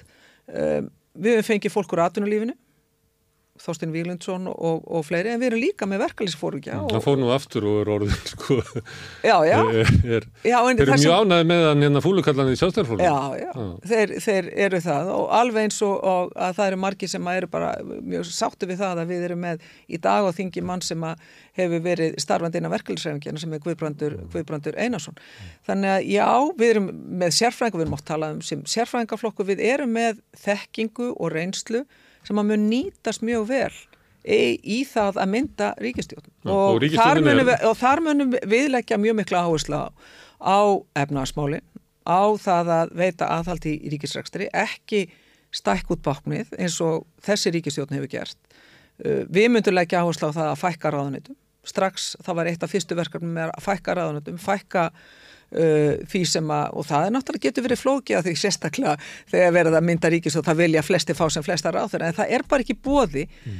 að, að eins og þessi ríkistjótt gerða hennar fyrsta ákvörðu núna eftir síðustu kostingar var að stækka bóði og það er að mínum að því, mm. það er ekki endilega bóði vinstri græna eða framsóknar.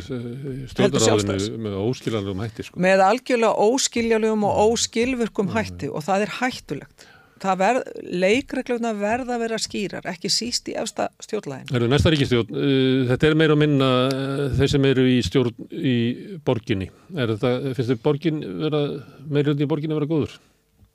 Já, mér finnst það góður fyrir margar hlutasakir. Það er margt ef að ég horfi á, á það hvernig borgin er að þróast og ég er með fjölskyldi bæði bandaríkjónum sem kemur hérna reglulega og er búin að koma síðan við 30-40 árin. Og það er gaman að fá upplifuna frá, frá þeim þegar þú segir, vá, það er alltaf gerast, það er bara menningin, það er, þú veist, hvað sem er matamenning, tónlist, það er náttúrulega auðvitað náttúrulega allt í kringum þetta höfuborgarsvæði, ég kalla þetta stórhafnafjörðarsvæði, mm. Gunnarsmári, mm.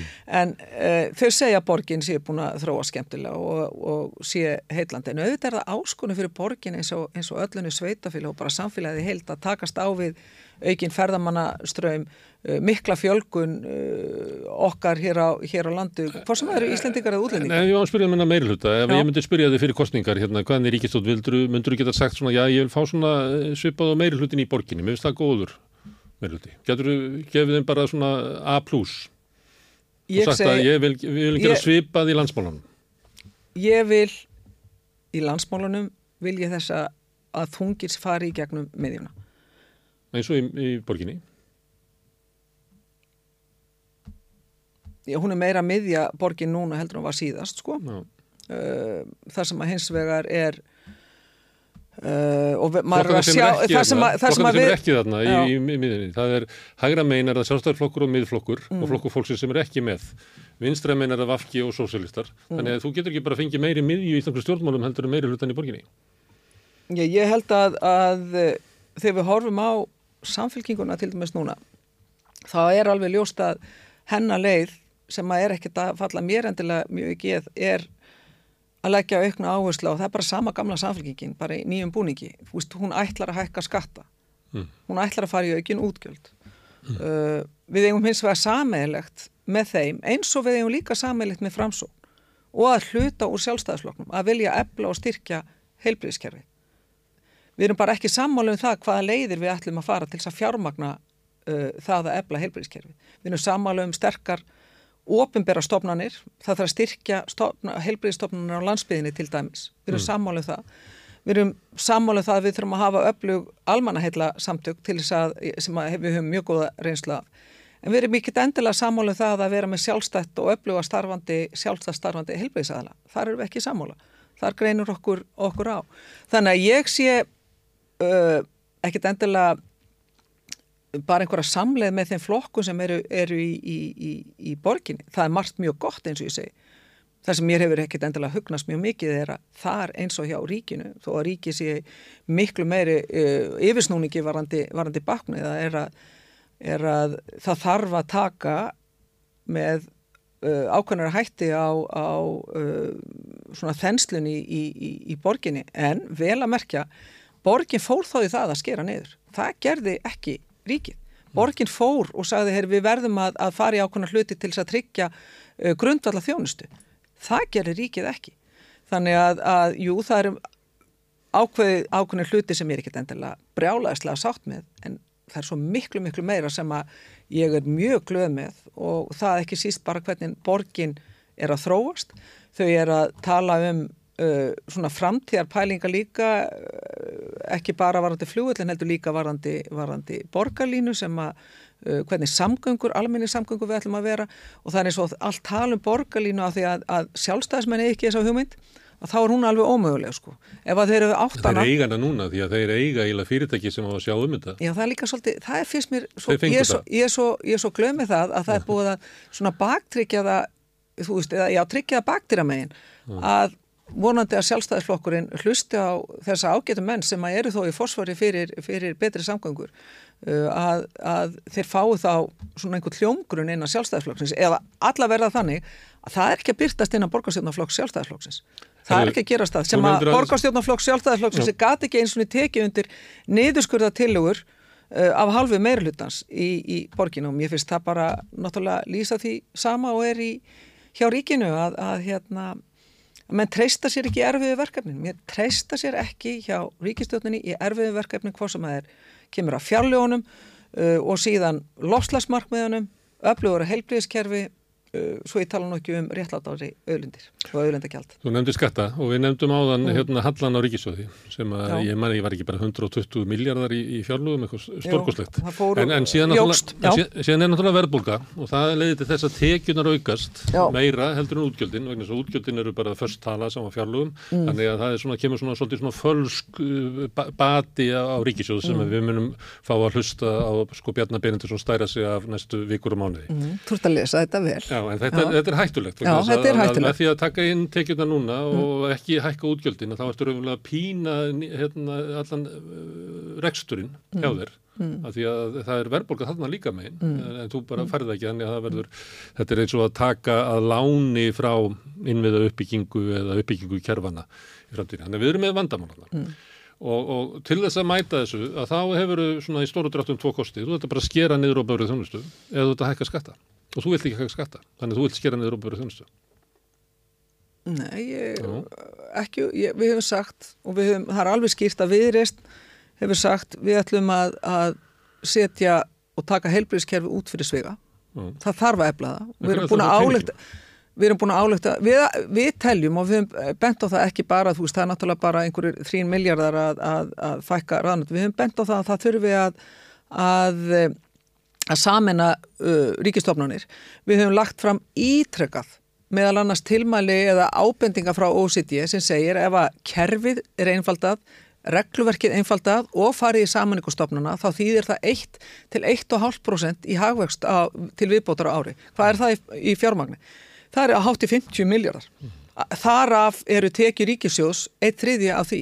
Þetta eru leiðir sem við erum að benda á einföldur regluverks, saminningstofnana, það getur leitt til aukis hagvastar.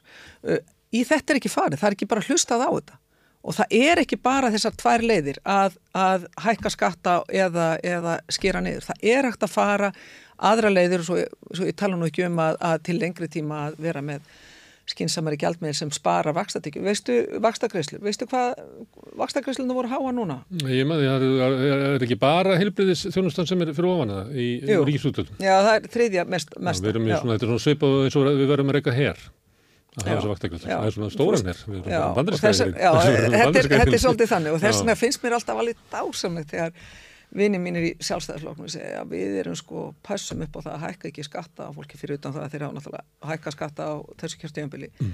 Þeir eru að leggja mestu skatta álegur á íslenskan almenning með því að viðhalda íslensku krónunni. Það eru mestu skattarnir sem eru lagðir á íslenskan almenning að vilja ekki neitt annan gjaldmiðil heldur mm. en íslensku krónuna og það eru mestu skattar sem eru lagður á og það er búið sjálfstæðisflokksins.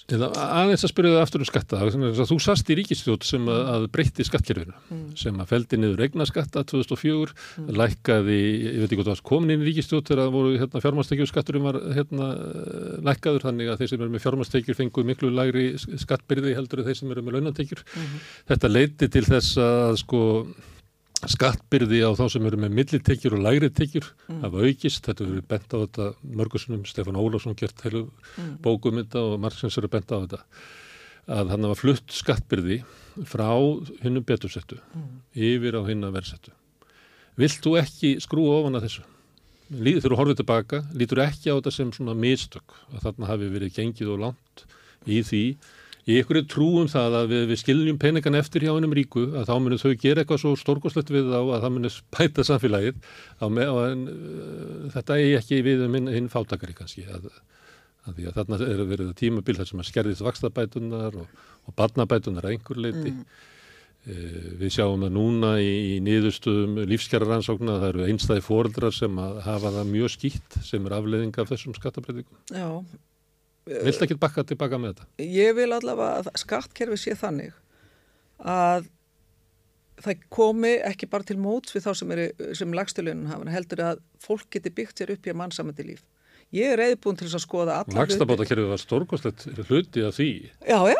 Og Vaksta, hér á eins og allstar í já, heiminum að það já, var alltaf þetta lagstafbótakerfið sem tryggði það að almenningur, millitekjur og lægri tekjur fólk, gæti eignast eitthvað. Já, við sko, reyndar er það þannig og enn og aftur að mm. hluta því að vakstabótakerfið er, er meðal annars að við höfum hennar gældmil. Gott alveg með að við höfum hann og við höfum sagt það og við sögum það í vetur við reist og við höfum sagt það núna síðislegin misseri að meðan við erum með gældmiðlin þá þurfum við að vera með vakstabótakerfi, við þurfum að vera með ákveð batnabótakerfi Við þurfum að taka betur utan á þessum lagstu launum hafan en við höfum ekki bara verið að einblýna á þetta. Þess vegna höfum við verið að reyna að segja að það eru aðra leiði líka eins og það hvernig er hægt að lækka verðið á matakörunni. Við erum ítrekka búin að koma fram með tilugur um það í þessu umhverfi mm. hvernig hægt er að lækka uh, verðið á matakörunni. Að því hlutfarslega, uh, mér minnir það eftir húsnæðiskostnaði þá að matakára næst stærsti póstur hjá þeim sem að lagstu launum hafa. Og það sem að hækka mest í dag er húsalega og matakostnaður sem kemur náttúrulega sérstaklega illa við hérna, já, fólk með lagstutekjunar sem að því miður stjórnur bara lift ekki svona brúnir. Og við, það sem við þurfum að gera líka er, uh, er ekki síst að, að þegar það kemur á húsnæðiskostnaði er að við þurfum að auka það. Þýr ekki bara að vera með, með uh, fara á uh, í rauninni fara þá leið að, að, að bæta fólki upp greiðslutnar lánin og allt þetta með vakstabótum og batnabótum heldur við þurfum við líka að fara hína með frá og auka frambóða af, af húsnæði. Við þurfum að gera allt til þess að auka meira frambóð mm. af húsnæði til þess að fólk geti, geti keift húsnæði hér legu brems og legu þakk til þess að hindra okkur á lífsnausinum fólks eins og það að búa eitthvað starf. Setta takmarkanir á auðvaldið með einhverjum hætti. Ég er ekki ég er ekki geinkjæftur í því að setja leiguþakka ef ég bara mm. segja alveg þessu er að því ég er hrættum að það muni leiða til þess að meðan að ástandið er svona markaði að það muni frambóði muni minga mm. Leig, og það því, hvað því það því að frambóði mingar að, að það sem að eftir er í leigu að það mun bara hækka ég er ekki sannfarið um það að það sé besta leiðin en við í þessu Gunnarsmári er mm. það bara eins og þessu mörgu öðru við getum litið til Norðurlandana og skoða það eru, eru tilbriði við stef hvernig hægt er Danir settu sko mjög stíft leigu, leigubremsu sem að leiti til þess að það var verið að vera að lækka leigu sko raunvirðinar um svona 7% á tveimur ár Já, Danir hafa farið þáleið meðan að við erum með ímsa, ímsa aðra núansa í þessu sem að ekki samennast eða er í samræmi við dönskulegina. Ég held að það sé hægt að fara ímsalið, taka það besta frá hinnum Norðurlandunum. Alveg eins og uh, við erum að sjá bara ímsum öðrum sviðum eins og í heilbreyðismálum að við getum gert betur. Uh, eins og normenn, eins og svíjar, eins og danir tala nú ekki að finna í, í heilbreyðismálunum þannig að uh, ef að tala um útlendingamálin? Þú veist uh, það er ekki bóðlegt að það sé verið að, að ríkistjónin er búin að koma þessu þannig fyrir að það hendur fólk út á göduna. Það er heldur ekki bóðlegt að fólk sem hinga kemur uh, uppfylli ekki ákveðin skiliri sem sem að lögin segja. Get ekki uppfyllt það. Og get ekki, ég ætlaði það að segja það. Getur ekki heimta að fá okkur lögleg skilriki frá flokkum? Nei, nei, nei, algjörlega og eru bara, er ekki með skilriki. Og það vill ekki fara heim, var dónsmálar að var í kastlösu gæri að segja að fólkið var í, hérna, ósamvinni til, vill ekki fara heim. Það kom á flótta eitthvað stað frá og getur ekki snúið tilbaka. Það, er ekki, ekki ósamvinni til. Nei, ég held að það sé hægt að leysa þetta. Öðruvísi heldur en að vera alltaf með þessa, þessa hérna, uh, þessa jæðra sem er að kallast á. Við, er, við sjáum það, jæðratnir ríkistjóðnir er að, þar eru jæðratnir að endurspeglast, við erum að sjá ekki bara þessu þrjú mismunandi lögfræðalut draga fram hversu illa þau stóði að breytinga útlöndinlegunum, við erum að sjá þau eru að kallast á og þau munu kallast á. Öðruvísi munið ekki leysast heldur en að við komum okkur saman um það að fara sveipaða leiðir og til með snorlendir og ég held að við eigum að gera það. Við getum líka litið til annara landa eins og, eins og Kanada sem, a, sem að við sjáum það að, að er með mjög mannúlega en mjög skynsama stefnu. Það, við erum ekki lokaland Ísland en við erum heldur ekki galopið. Mm. Norrlandi fyr... breytast. Það er nú síðustu kostningar í Svíþjóðu Finnlandi færðu til valda hérna flokka sem eru bara fullir af útlendingandur. Já og af því að ríkisjóttin er búin að halda svona á málum þá er hún að bjóða upp í þennan dans og það finnst mér svo vond. Sjálfstæðsflokkurinn er eiginlega bjóðið sér fram að vera þessi flokkur.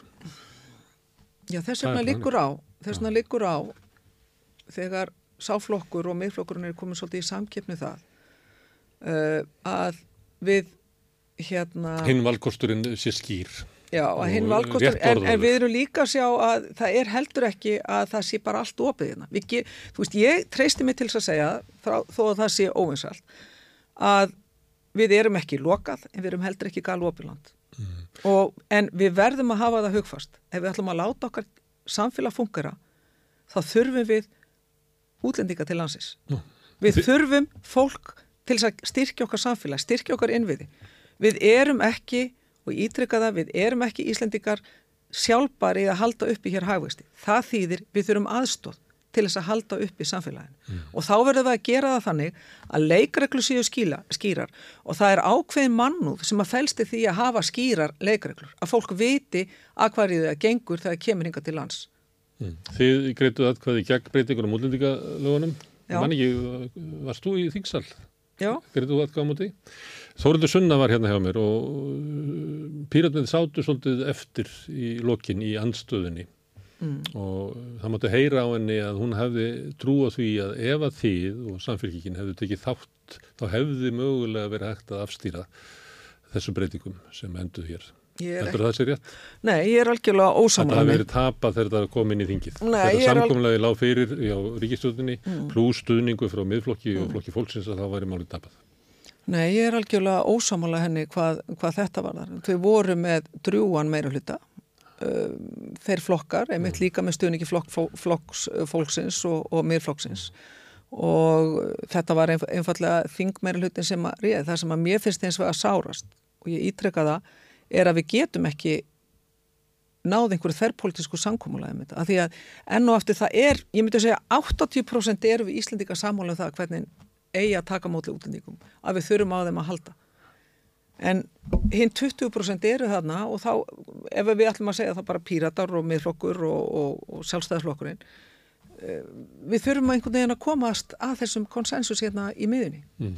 og, og það er, það er hægt, við höfum sínta við höfum sínta miðjan er ekki nú sterk eða góð. Já, til að finna eða virta eitthvað valkost á mótið þessu. Já, það, það þýr ekki þar með sagt að við höfum að halda kæfti sko. eða, eða setja bara með hendur í skaut. Og ég held að það sé ímislegt sem að við getum og eigum að gera núna á, á, á næstunni hvað þetta, þetta risamál varðar. Því þetta er lífskjæramál fyrir okkur Íslendinga alveg eins og og það er lífskjæramál sem að ríkisjónin er að vanrækja alveg eins og önnur lífskjæramál eins og ég talaði um loslasmáli það er, þetta er bara, hún er að skila ég held í reynskilin sagt þegar vinstrikrann fóru og aftur inn í þetta ríkistjóðnarsamstarf mm.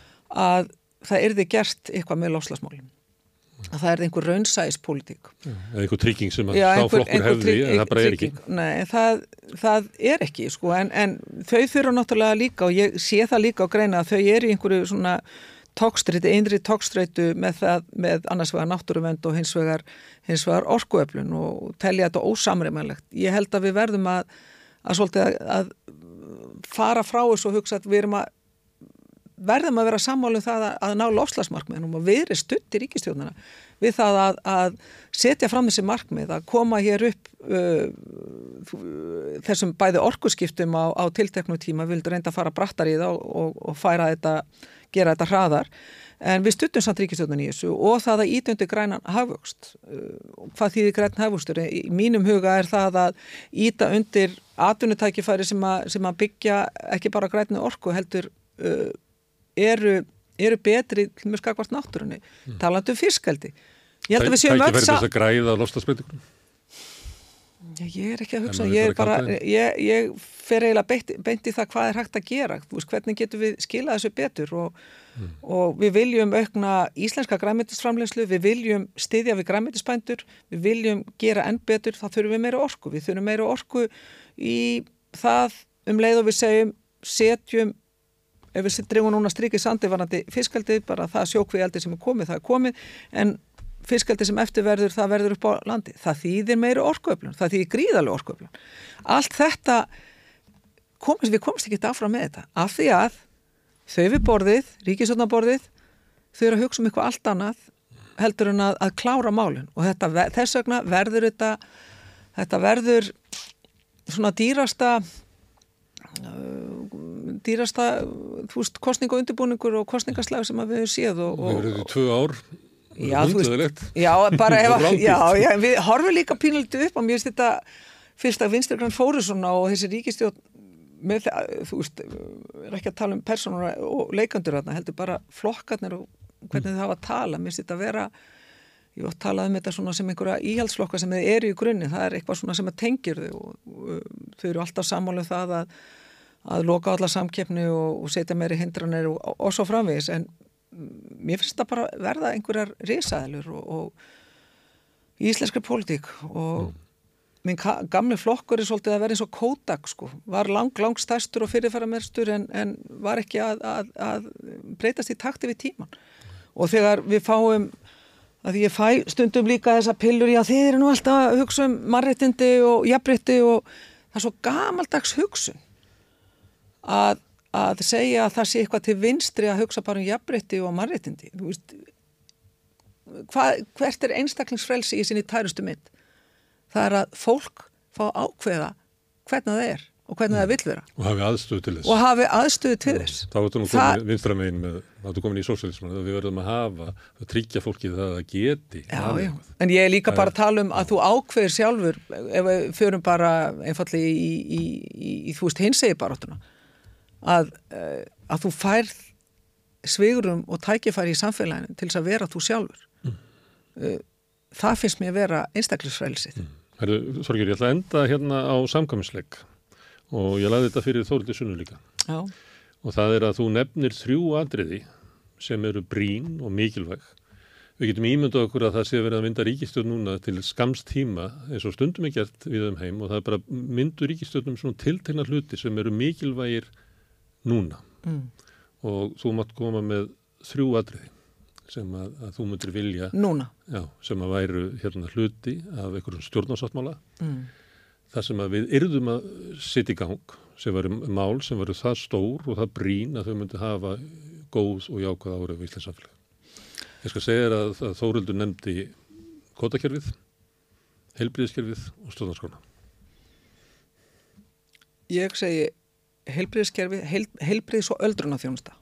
Þetta, þetta nummer eitt. Stór áttak í Já, þeim. Já, stóra ebla þjónustu, við erum margótt búin að álöftum þetta viðreist, ebla þjónustu við fólk. Og það þurfum að gera með því að stór ebla heilbriðskerfið og styðja við stopnanar okkar hvaðan hefur landið en líka að fara í það að, að hérna, að tryggja þjónustuna hvort sem að það er í gegnum ofinbergskerfi eða með, í samfunni við sjálfsastarfandi aðila sem að hefur gefist vel með skýra reglur. Númer eitt helbriðis og eldrunar uh, kerfið. Efnaðasmálinn, fjár, fjárlögin, bara efnaðasmálinn skipt okkur gríðala, það verður að taka loka gatinu. Já, það þarf að loka gatinu, það þarf að taka meiri festu á efnaðasmálinn og ég nefndi það á hvað hægt, hægt er að, að gera því. Þetta finnst mér vera tvö líkilatrin.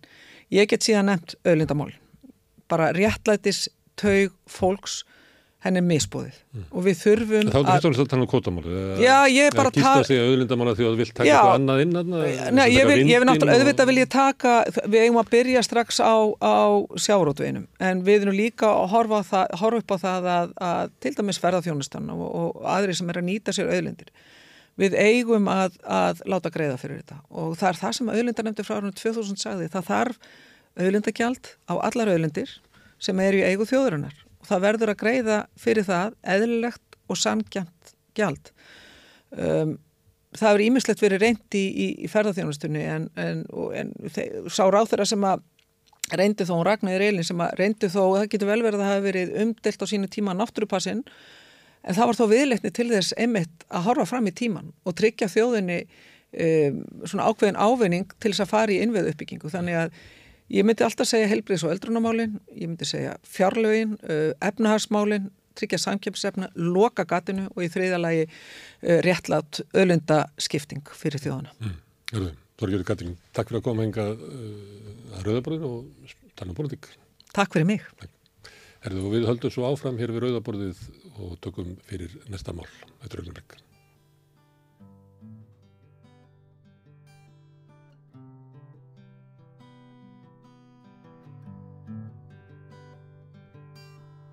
Já, við ætlum að hérna í lokinn að spjalla um já, hugmyndastefnu sem var ábyrgandi hérna fyrir svona já, rúmlega öld félagslegur darvinismi. Hann er hingað komin Ástór Óðinn Ólafsson út grunnskólakennari. Já, mikið rétt. Já, á Ásbrú. Já. Mm.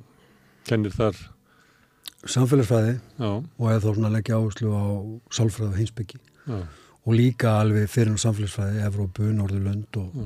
Er þetta skemmtilegu skóli með fólk allstaðar frá? Jó, rosalega áskorunir Ef þú er gaman af áskorunum og krefendu umhverfi þá er þetta rétti staðurinn Já.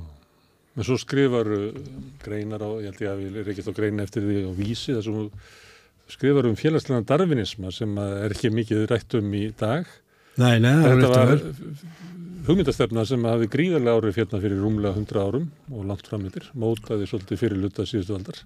Og er enn við líði. Já, já, nýlendustefnuna var svona andlegur grundvöldur undir nýlendustefnu og, og stuðning við þinn sterka mm -hmm. og held ég fram að samfélum myndu eiginleggjast á því að styðja henn veika. Já, á því byggir hugmyndin já. í upphafi. Já. Já. En maður skilur alveg sko að hugmyndin er að byggjast á því upphafi út af því að þá var náttúrulega bilið á milli þess sem var fátækur og svo sem var ríkur, mm. það var rosalegt þú gasta ekkit verið í fátækt á þessum tíma og farið að menta þig mm. bilið var það mikið og þetta snýrist náttúrulega allt um að eiga fjármang til þess að geta fengið sér að borða. Mm. því að það var bara stór hluti að því að halda hilsu og þá náttúrulega verður á þannig að fólk sem hefur ekki fjármang það getur ekki fengið sér að borða. Og þá enda það upp að vera ekki stert mm. og þá eru þeir sem getur fengið sér að borða þeir eru sterkir. Það eru grimt og miskunarlust líf með þeirra fótakvöld Já, það. algjörlega. Og, og þá náttúrulega fer þetta þróast bara út frá þessu að þetta eru þeir sterku sem geta að lifa af, eru með fjárhastlega sterkar fórsendur í sínu umhverfi. Þeir eru betri. Þeir eru betri, þeir eru gáðari mm. þeir eru fallegri. Mm. þannig að það er allt svona að hínir bara hafi ekki séns. Á þeim tíma skilum maður alveg. En í dag þá er náttúrulega samfélagi búið að breytast. En það er samt að vera að halda í þetta einhverju hluta til. Mm. eins og félagslega darwinismi er bara fordómar. Það er bara rót félagslega darwinisma. Mm. Og það er náttúrulega að sjáu hvað gerist í fyrri og setni heimsturhildinni mm. það er bara eitt þjóðerni sem að er nummer 1, 2 og 3 mm. aðrir geta bara glimt þessu mm. þannig að hann þróast svona í aðrar áttir fer þá inn í samfélagi með sterkara hætti í menningu, mentun og í raun og veru bara hverjir eru sterkir og lifa af en Það hefur haft mikil áhrif á, á hugmyndur okkar og samfélag. Eh, þurfum við að taka það fram að, að þetta er ekki kenning frá eh, Charles Darwin. Þetta já, er, við náttúrulega þurfum þetta að er, er útúrsnúningur Já, úr henni. við þurfum náttúrulega að ræða- Ég held að hérna, Herbert Spencer hafi nú verið hérna, eða einhver af þessum köllum sem að, voru skildir Darwin. já. Herbert Spencer var svo frændi Charles Darwin Það var frendans, já. En hann var í raun og veru bara, ef við byrjum á Charles Darwin í fljótubræði, þá náttúrulega kemur hann með þróunarkenninguna og hann er bara að skoða hvernig dýr og plöntur hafa þróast í gegnum miljón ár og í breyttum aðstæðum í lífríkinu. Hann er ekki að velta fyrir sig hverju eru sterkir og lifa af. Hann er bara að velta fyrir sig hvernig getur dýr á vetur til einhvern veginn náða að lifa af og verið að sumri til. Og Herbert Spencer, hann náttúrulega fyrir að skoða þetta og hugsa með sér, já, ok, þannig að dýrin sem að ná einhvern veginn að lifa af allar þessar breytingar, þau eru sterk og lifa af. Og þá kemur Francis Galton, sem er félagsfræðingur, og hann vil útrýma fátækt, hann vil útrýma ölmusu og hann vil í raun og veru koma í veg fyrir að fólk sé eitthvað að þvælast fyrir í samfélaginu sem hefur ekki upp á bát við þá sem eiga fjármann.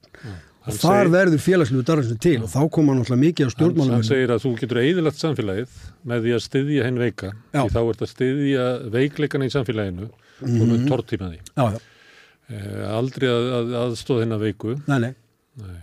hann var svolítið á, á þeirri hlið og, og þetta náttúrulega verður bara ótrúlega heit kartefla á þessum tíma. Þarna er þetta að nota þetta og, og byggja upp samfélög. Þetta er bara þessum hugmyndasterna sem er umjölulega sigrar heiminn. Það er bara já. hún Og er það. ansvar við hérna sem að eh, það kemur upp úr frönsku stjórnabildingunni þá koma svona hugmyndir um, um aukna mannús Já, já, og þá er sagt sem svo að sko fangin e, lifir lífinu eins og hann gerir og er, getur verið grimmur og hann getur verið heimskur og íllamentaður Já, vegna þess að hann er í fjötrum. já, Þannig ef við leysum hann um fjötrunum hans og aðstofum hann til þess að lifa lífinu eins og við, býst ég við að þeirra við sagt búið að halda þessu fram, að þá er hann jafn okkur. já, já, Já, og það má við um fátaka og um veika mm og allar um tukkotorum. já, já, Og þetta eh, kemur, bylgja sem hefur mikil áhrif víða, uh, hefur mikil áhrif í heilbriðiskerfinu og öðru slíku. Mhm. En félagslegi darfinsmi kemur svolítið sem ansvar við þessari, svona, við getum kallað þetta svona hú, eina húmenisku bylgju á átundöldinni. já, já, Þannig hún á ekki alveg, þetta, er ekki svona, þetta á ekki svona rætur bara beint inn í svona uh, úr vangisugunni, heldur er þetta ansvar við ákveðnum breytingu sem höfðu verið í samfélaginu. já það, kröfum um breytingar. það er alveg rétt hjá þér. Svo er líka að skoða þetta og fer eitthvað aðeins aftur í tíman út af því að, að félagslegu darfinu sem var náttúrulega líka í þessi stað þegar að kristintrú reyði ríkjum. Já, þótt að það hafi ekki verið komið nafnið Mm. þá var það náttúrulega þannig að það var eitthvað eitt ákveð sem átti að leiða fólk til hamingi og heilsu. Það var að vera í sterkur sambandi við kirkjuna og prestana Mm. og þá kemst í sambandi við Guð. En ef þú ætlar að fara út fyrir það þá náttúrulega ertu náttúrulega bara í geðrofi og, og ert ekki í takt við tíman í samfélaginu og ert bara útskúðaður svo náttúrulega færum okkur af félagsum darunisma þá er það náttúrulega ákveðin hugmynd að hver er Guð, það er peningurinn. Þannig að ef þú átt pening þá getur við borðað og lifað af. Það er náttúrulega grunnurinn hvernig þið byggist á og þá er náttúrulega spurning af hverju tókuður félagslegan darwinisma og þessa afböku útgáfu út frá þrónakenningu Darwin? Af hverju fóruður ekki bara að hugsa eins og Darwin aðlöfnum darwinismi sem að náttúrulega kemur fljótlega eftir en það var engungu lagt áherslu á þetta. Þetta var þess að taka frá Darwin út af því að Darwin hann náttúrulega hann kollvarpaði kristintrú á sínu tíma. Þú getur bara að fara í sambandi við Guð með þínum hætti. Þú þarft ekki að fara í þennan þrýrning þetta milligöngusamband. Nei.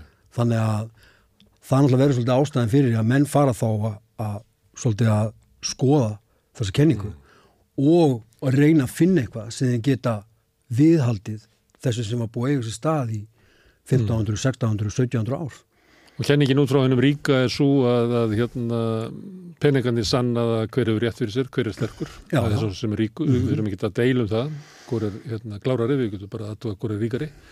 Og svo sem er ríkastur, hann á náttúrulega ráða sem mestu. Við höfum að móta samfélagið til þess að þjóna hans hagsmunum. Já, já, og þetta var þannig. Og þannig voru margir ríkir menn sem að kerja þetta áfram. Þannig voru hérna mannkinnbætur sem að fólust í því að, að uh, það veri klókt að taka eina veiku uh, glæbamenn fátaka, flytja það út úr samfélaginu, eitthvað upp í sveit á ykkur hæli, svo það geti ekki fjölga sér.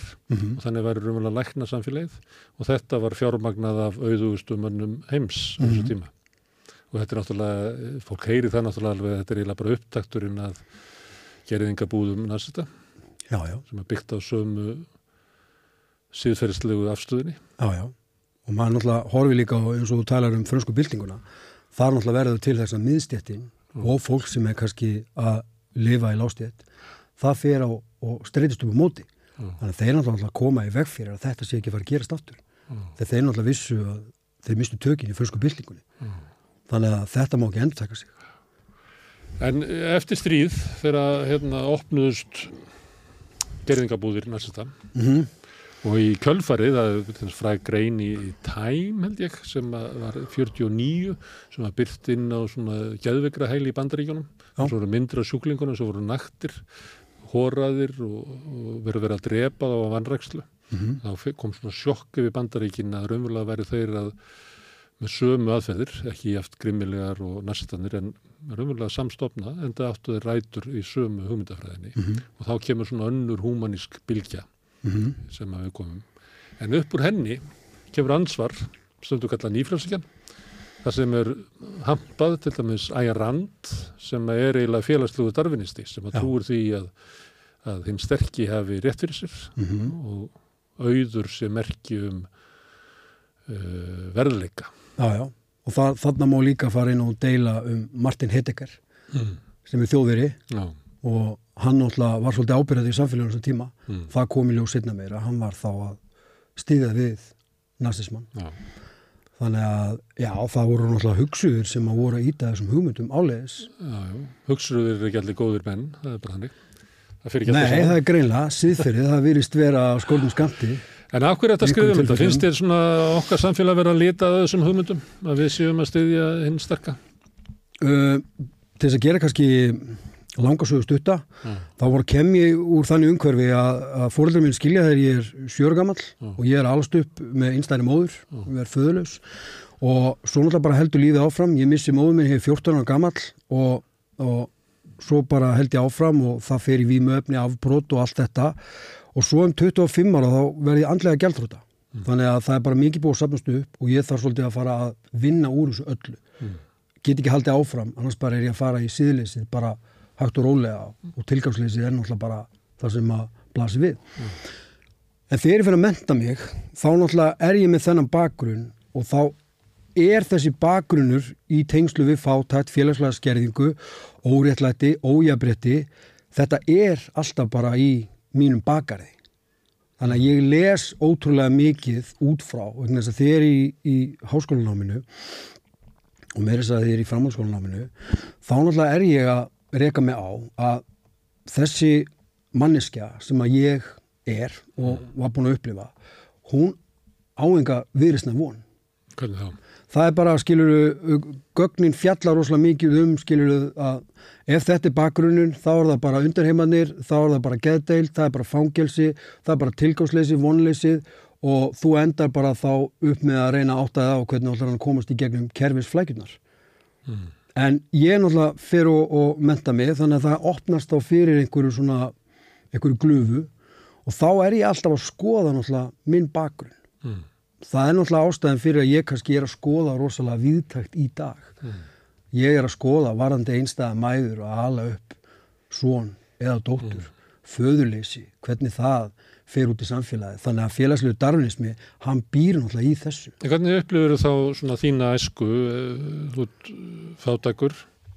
elst upp við fátækt? ég kannski ólst ekki fyrir að það er svona óvinning gagvart móðu minni. Móðu mín var að berjast í bökkum var mjög dugleg og harkjarna kona og sá bara fyrir okkur en við vorum kannski í lástjett þar sem við vorum að berjast í bökkunum Og hafði það, er enda ekki sömu tækifæri og, og aðrir. Nei, akkurat. Upplifur það að þú hafur orðið fyrir svona hvað við kalla það, svona félagslegum aðstæðum sem að samfélagið hefði átt að milda, hvað þér sem barni? Það er nefnilega mjög áhugavert vegna þess að ég hana, verð rosalega, uh, það er verið að taka vel á móti mér í samfélaginu, í grunnskólanum. Því grunnskólinn er náttúrulega þetta vendað umhverfi.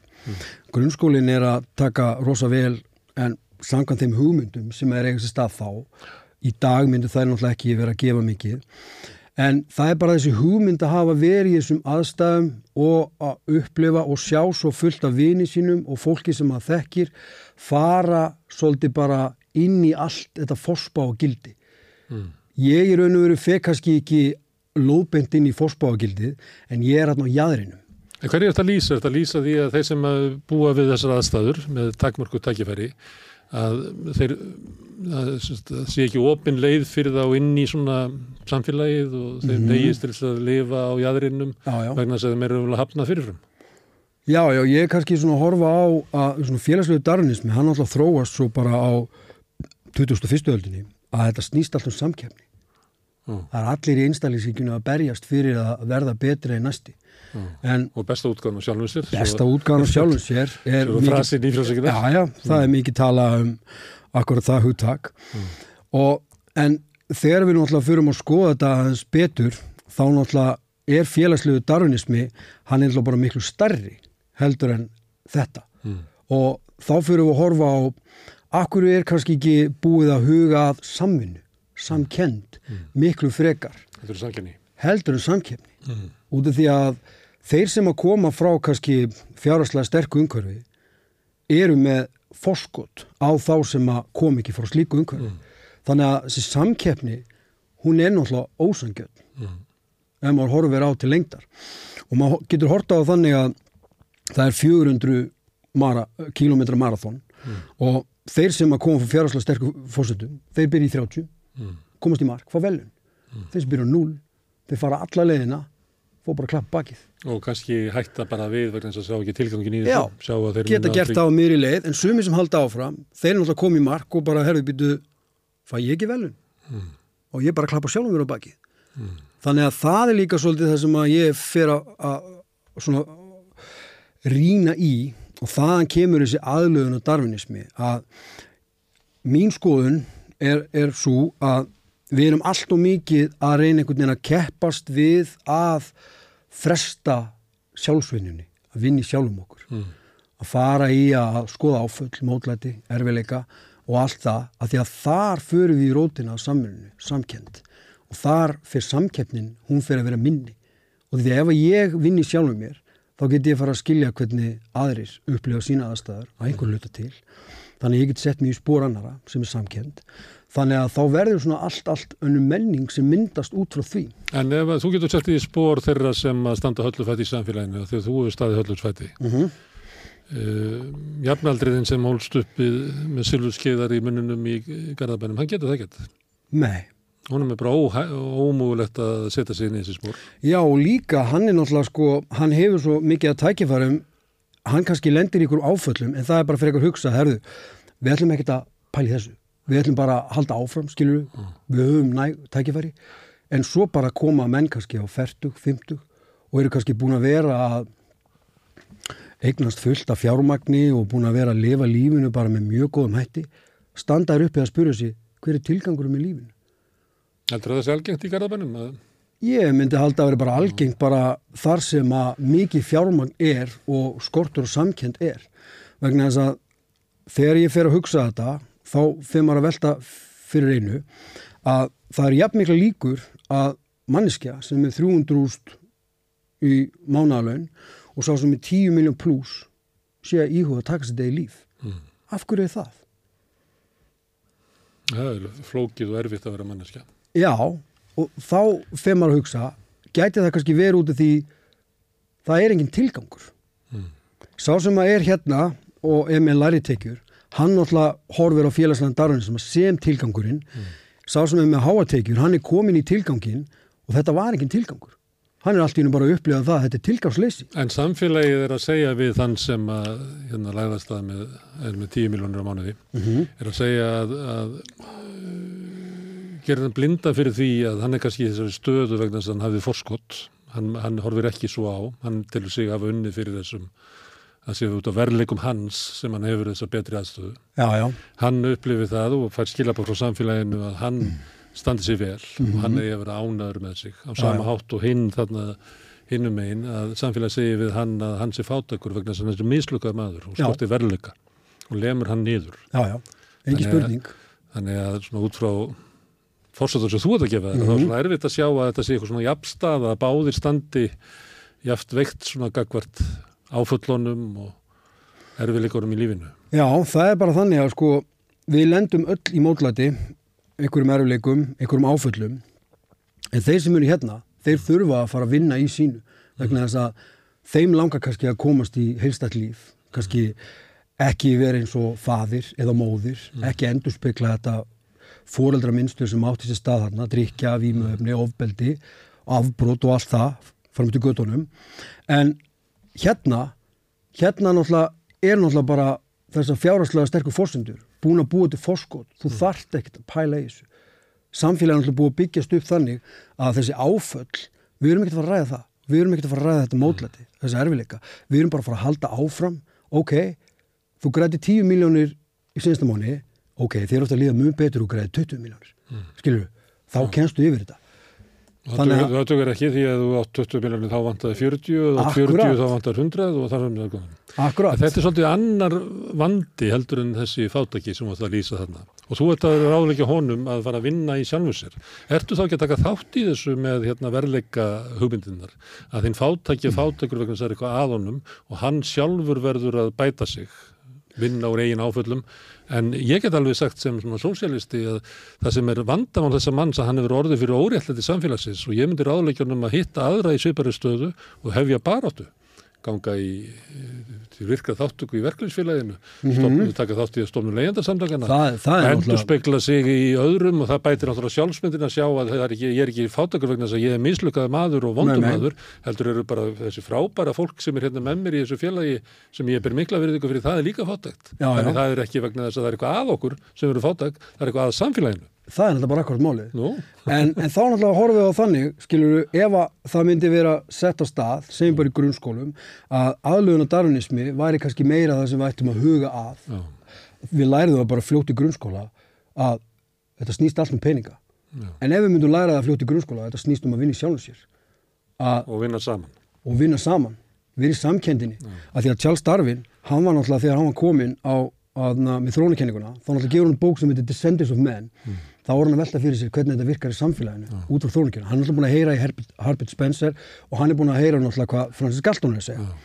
Og Darwin er náttúrulega að segja leið fyrir okkur til þess að vera betri samfélag. Hann er náttúrulega kemur, kemur frá frönsku byltingunni og hann er náttúrulega bara í mikill umrót á þessum tíma að það er að við þurfum að fara aðlagast þeirri þróun að við erum manneskjur, við erum ekki dýr. Við erum að vera í þessum manneskjulegu þáttum. Það er samkend, það er samvinna og við erum að vinna í sjálfum okkur. Að því við erum hópdýr hann hefur ekki orðað þannig. Nei, nei, hann orðaði ekki þannig en en það er svo, svolítið þannig að er náttúrulega stæðstu afreg mannkessis að vera unnin í samvinnu. Alveg Algjörlega. sem er algjörlega skjön við að við erum alltaf að tigna einstaklingarna og stórkostlegt framlag þeirra. Já, já. þegar sagan er skoðuð og við skoðum samfélagið og hvers er hvers virði í samfélaginu Mhm. þá er það yfirleitt byggt upp af En svo er annað. Karl Lung, hann er sérst sálgreinandi, hann er hann frá Sviss, hann kemur mjög áhugaðan punkt, hann segir, wow, hvað er búin að þróast taknilega séð, en sálfræðilega séð. Við erum ennar en áttökur hvað búta sagði. Að lungun er þjáning og, og, og þjáning er lungun. Og það er það sem við náttúrulega erum að gera í dag og við hefum gert bara í langan tíma, að við látum hluti segja okkur hvaða þroska við berum. Ekki hvernig við getum unni í sjálfum okkur og farið inn í einhverja djúbstæða sjálfsvögnu. við erum náttúrulega ófullkomnar verar Við erum náttúrulega ófullkomna veru, algjörlega. drifkrafturinn í heilanum okkar er bara sami heilin og eðlunar hafa þannig að Já, ég meina, drápsæðli er hérna handa við hotnið, en við, það er líka búið að sína fram á að við erum með gaggrinu hugsun.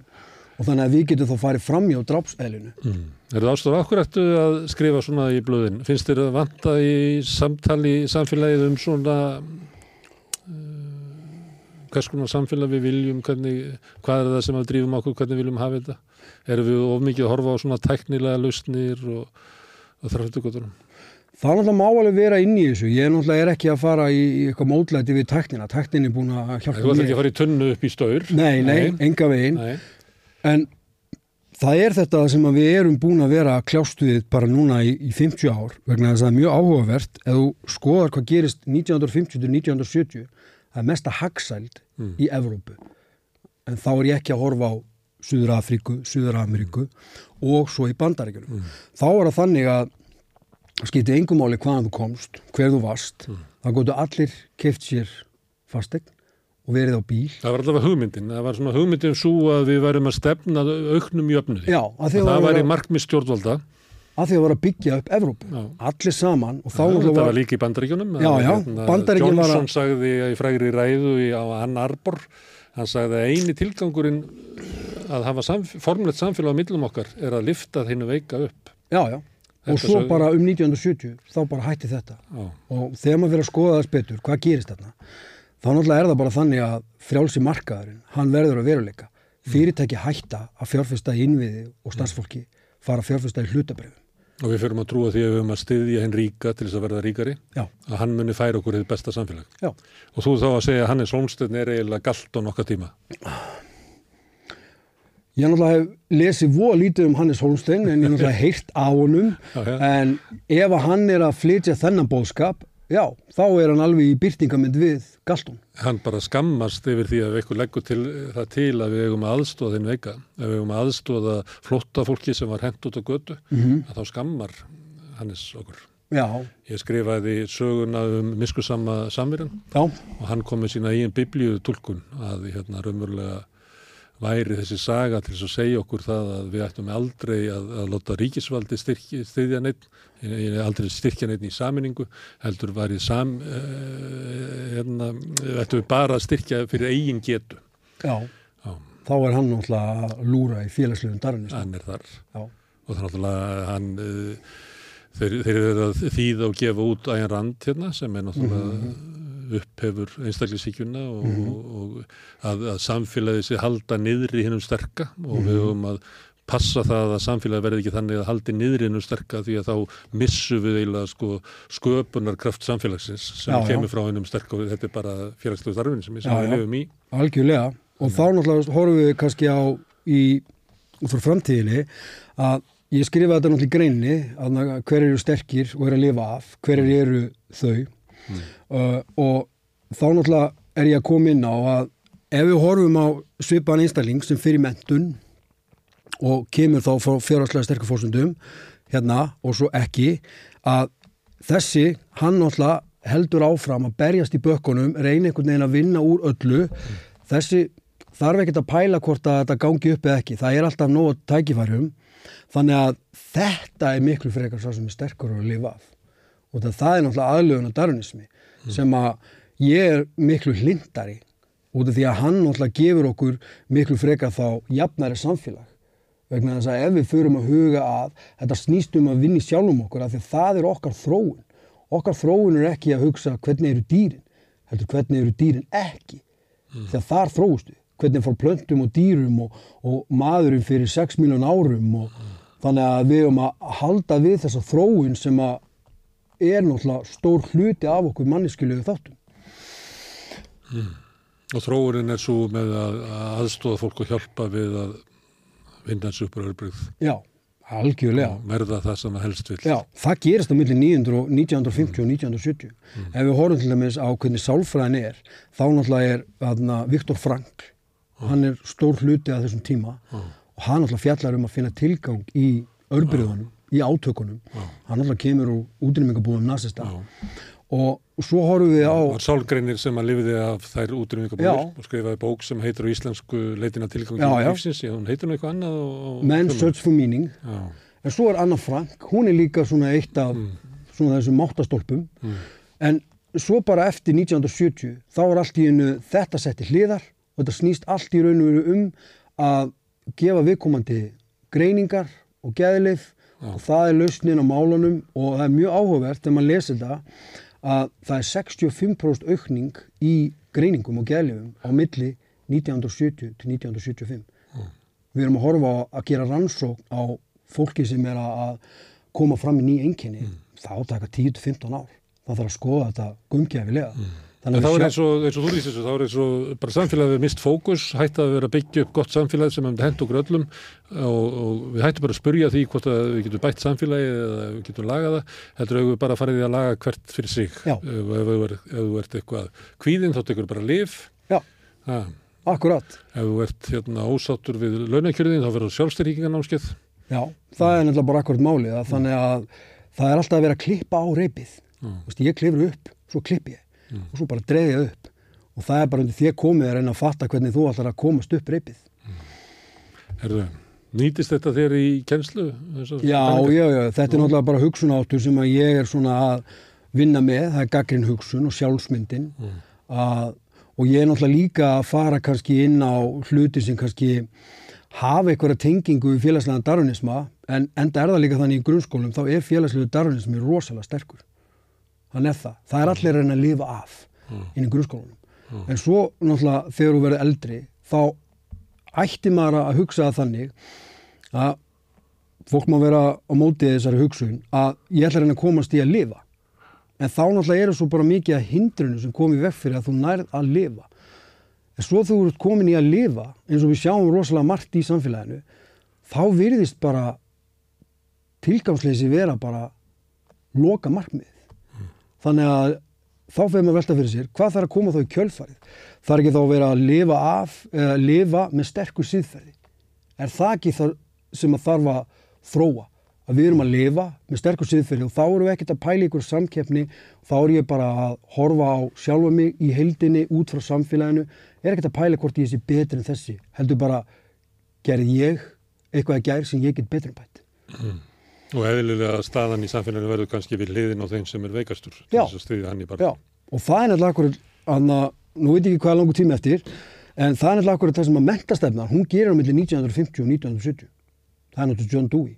Hann verður rosalega sterkur þarna á, á þessum tíma. Samvinna, samkend og, og svo náttúrulega er þarna, út frá samvinnu þá náttúrulega snýst það um að nemyndur sem eru kannski með sterkan bakgrunn í námi eða eru bara námslega sterkari þau eru að lifta upp hinu nemyndunum og ég veit að það er að fara í þræti epli þarna en þetta kannski gefur þá öðrum nemyndum einhverja hugmynd um að já ok, það er von, það er tilgangur veist, þetta er ekki bara ég einhvern veginn að bakstra í að reyna að skilja hvernig ég að lifa af í þessu grunnskóla kerfi. Herðu, Ástór, takk fyrir að koma hengað við rauðaborðið og hugsa upp átt og segja okkur frá það sem að þú að, hefur verið að velta fyrir þér og skrifum. Takk fyrir að bjóða mér. Herðu, við ræðum með alls konar hluti hérna við rauðaborðið, við gert það í kvöld og hérna hvetjum ykkur til þess að fylgjast með, þakka ykkur fyrir að hlusta í kvöld. Þið getið aðstóð okkur, það er gert með því að læka síðunar okkur á Facebook og YouTube og læka Instagram-fæslur, það hjálpar okkur við að byggja upp dreifikerfið, þannig að það er gert þeir sem að vilji styðja okkur fjárhagslega við að byggja upp samstöðina, meðal annars koma okkur yfir á útaspylgjur sem við erum svona alveg á mörkunum að ráða við núna. Eh, Þið getið farið inn á samstöðu.is, þar er nappur sem heitir áskrift, ef þið ítið á hann að þá getið borgað 2000 krónur á mánuði áskrift fyrir samstöðuna, þá fáið þið efnið hérna í þáttunum og á síðun okkar sem við höldum út í fréttarsíðu samstöðum.is. Ef þið hafið áhuga á því og ráða á því að þá myndum við þykja þá aðstóð. En ég þakka fyrir í kvöld og rauðaborðu verður á morgun klukkan átta.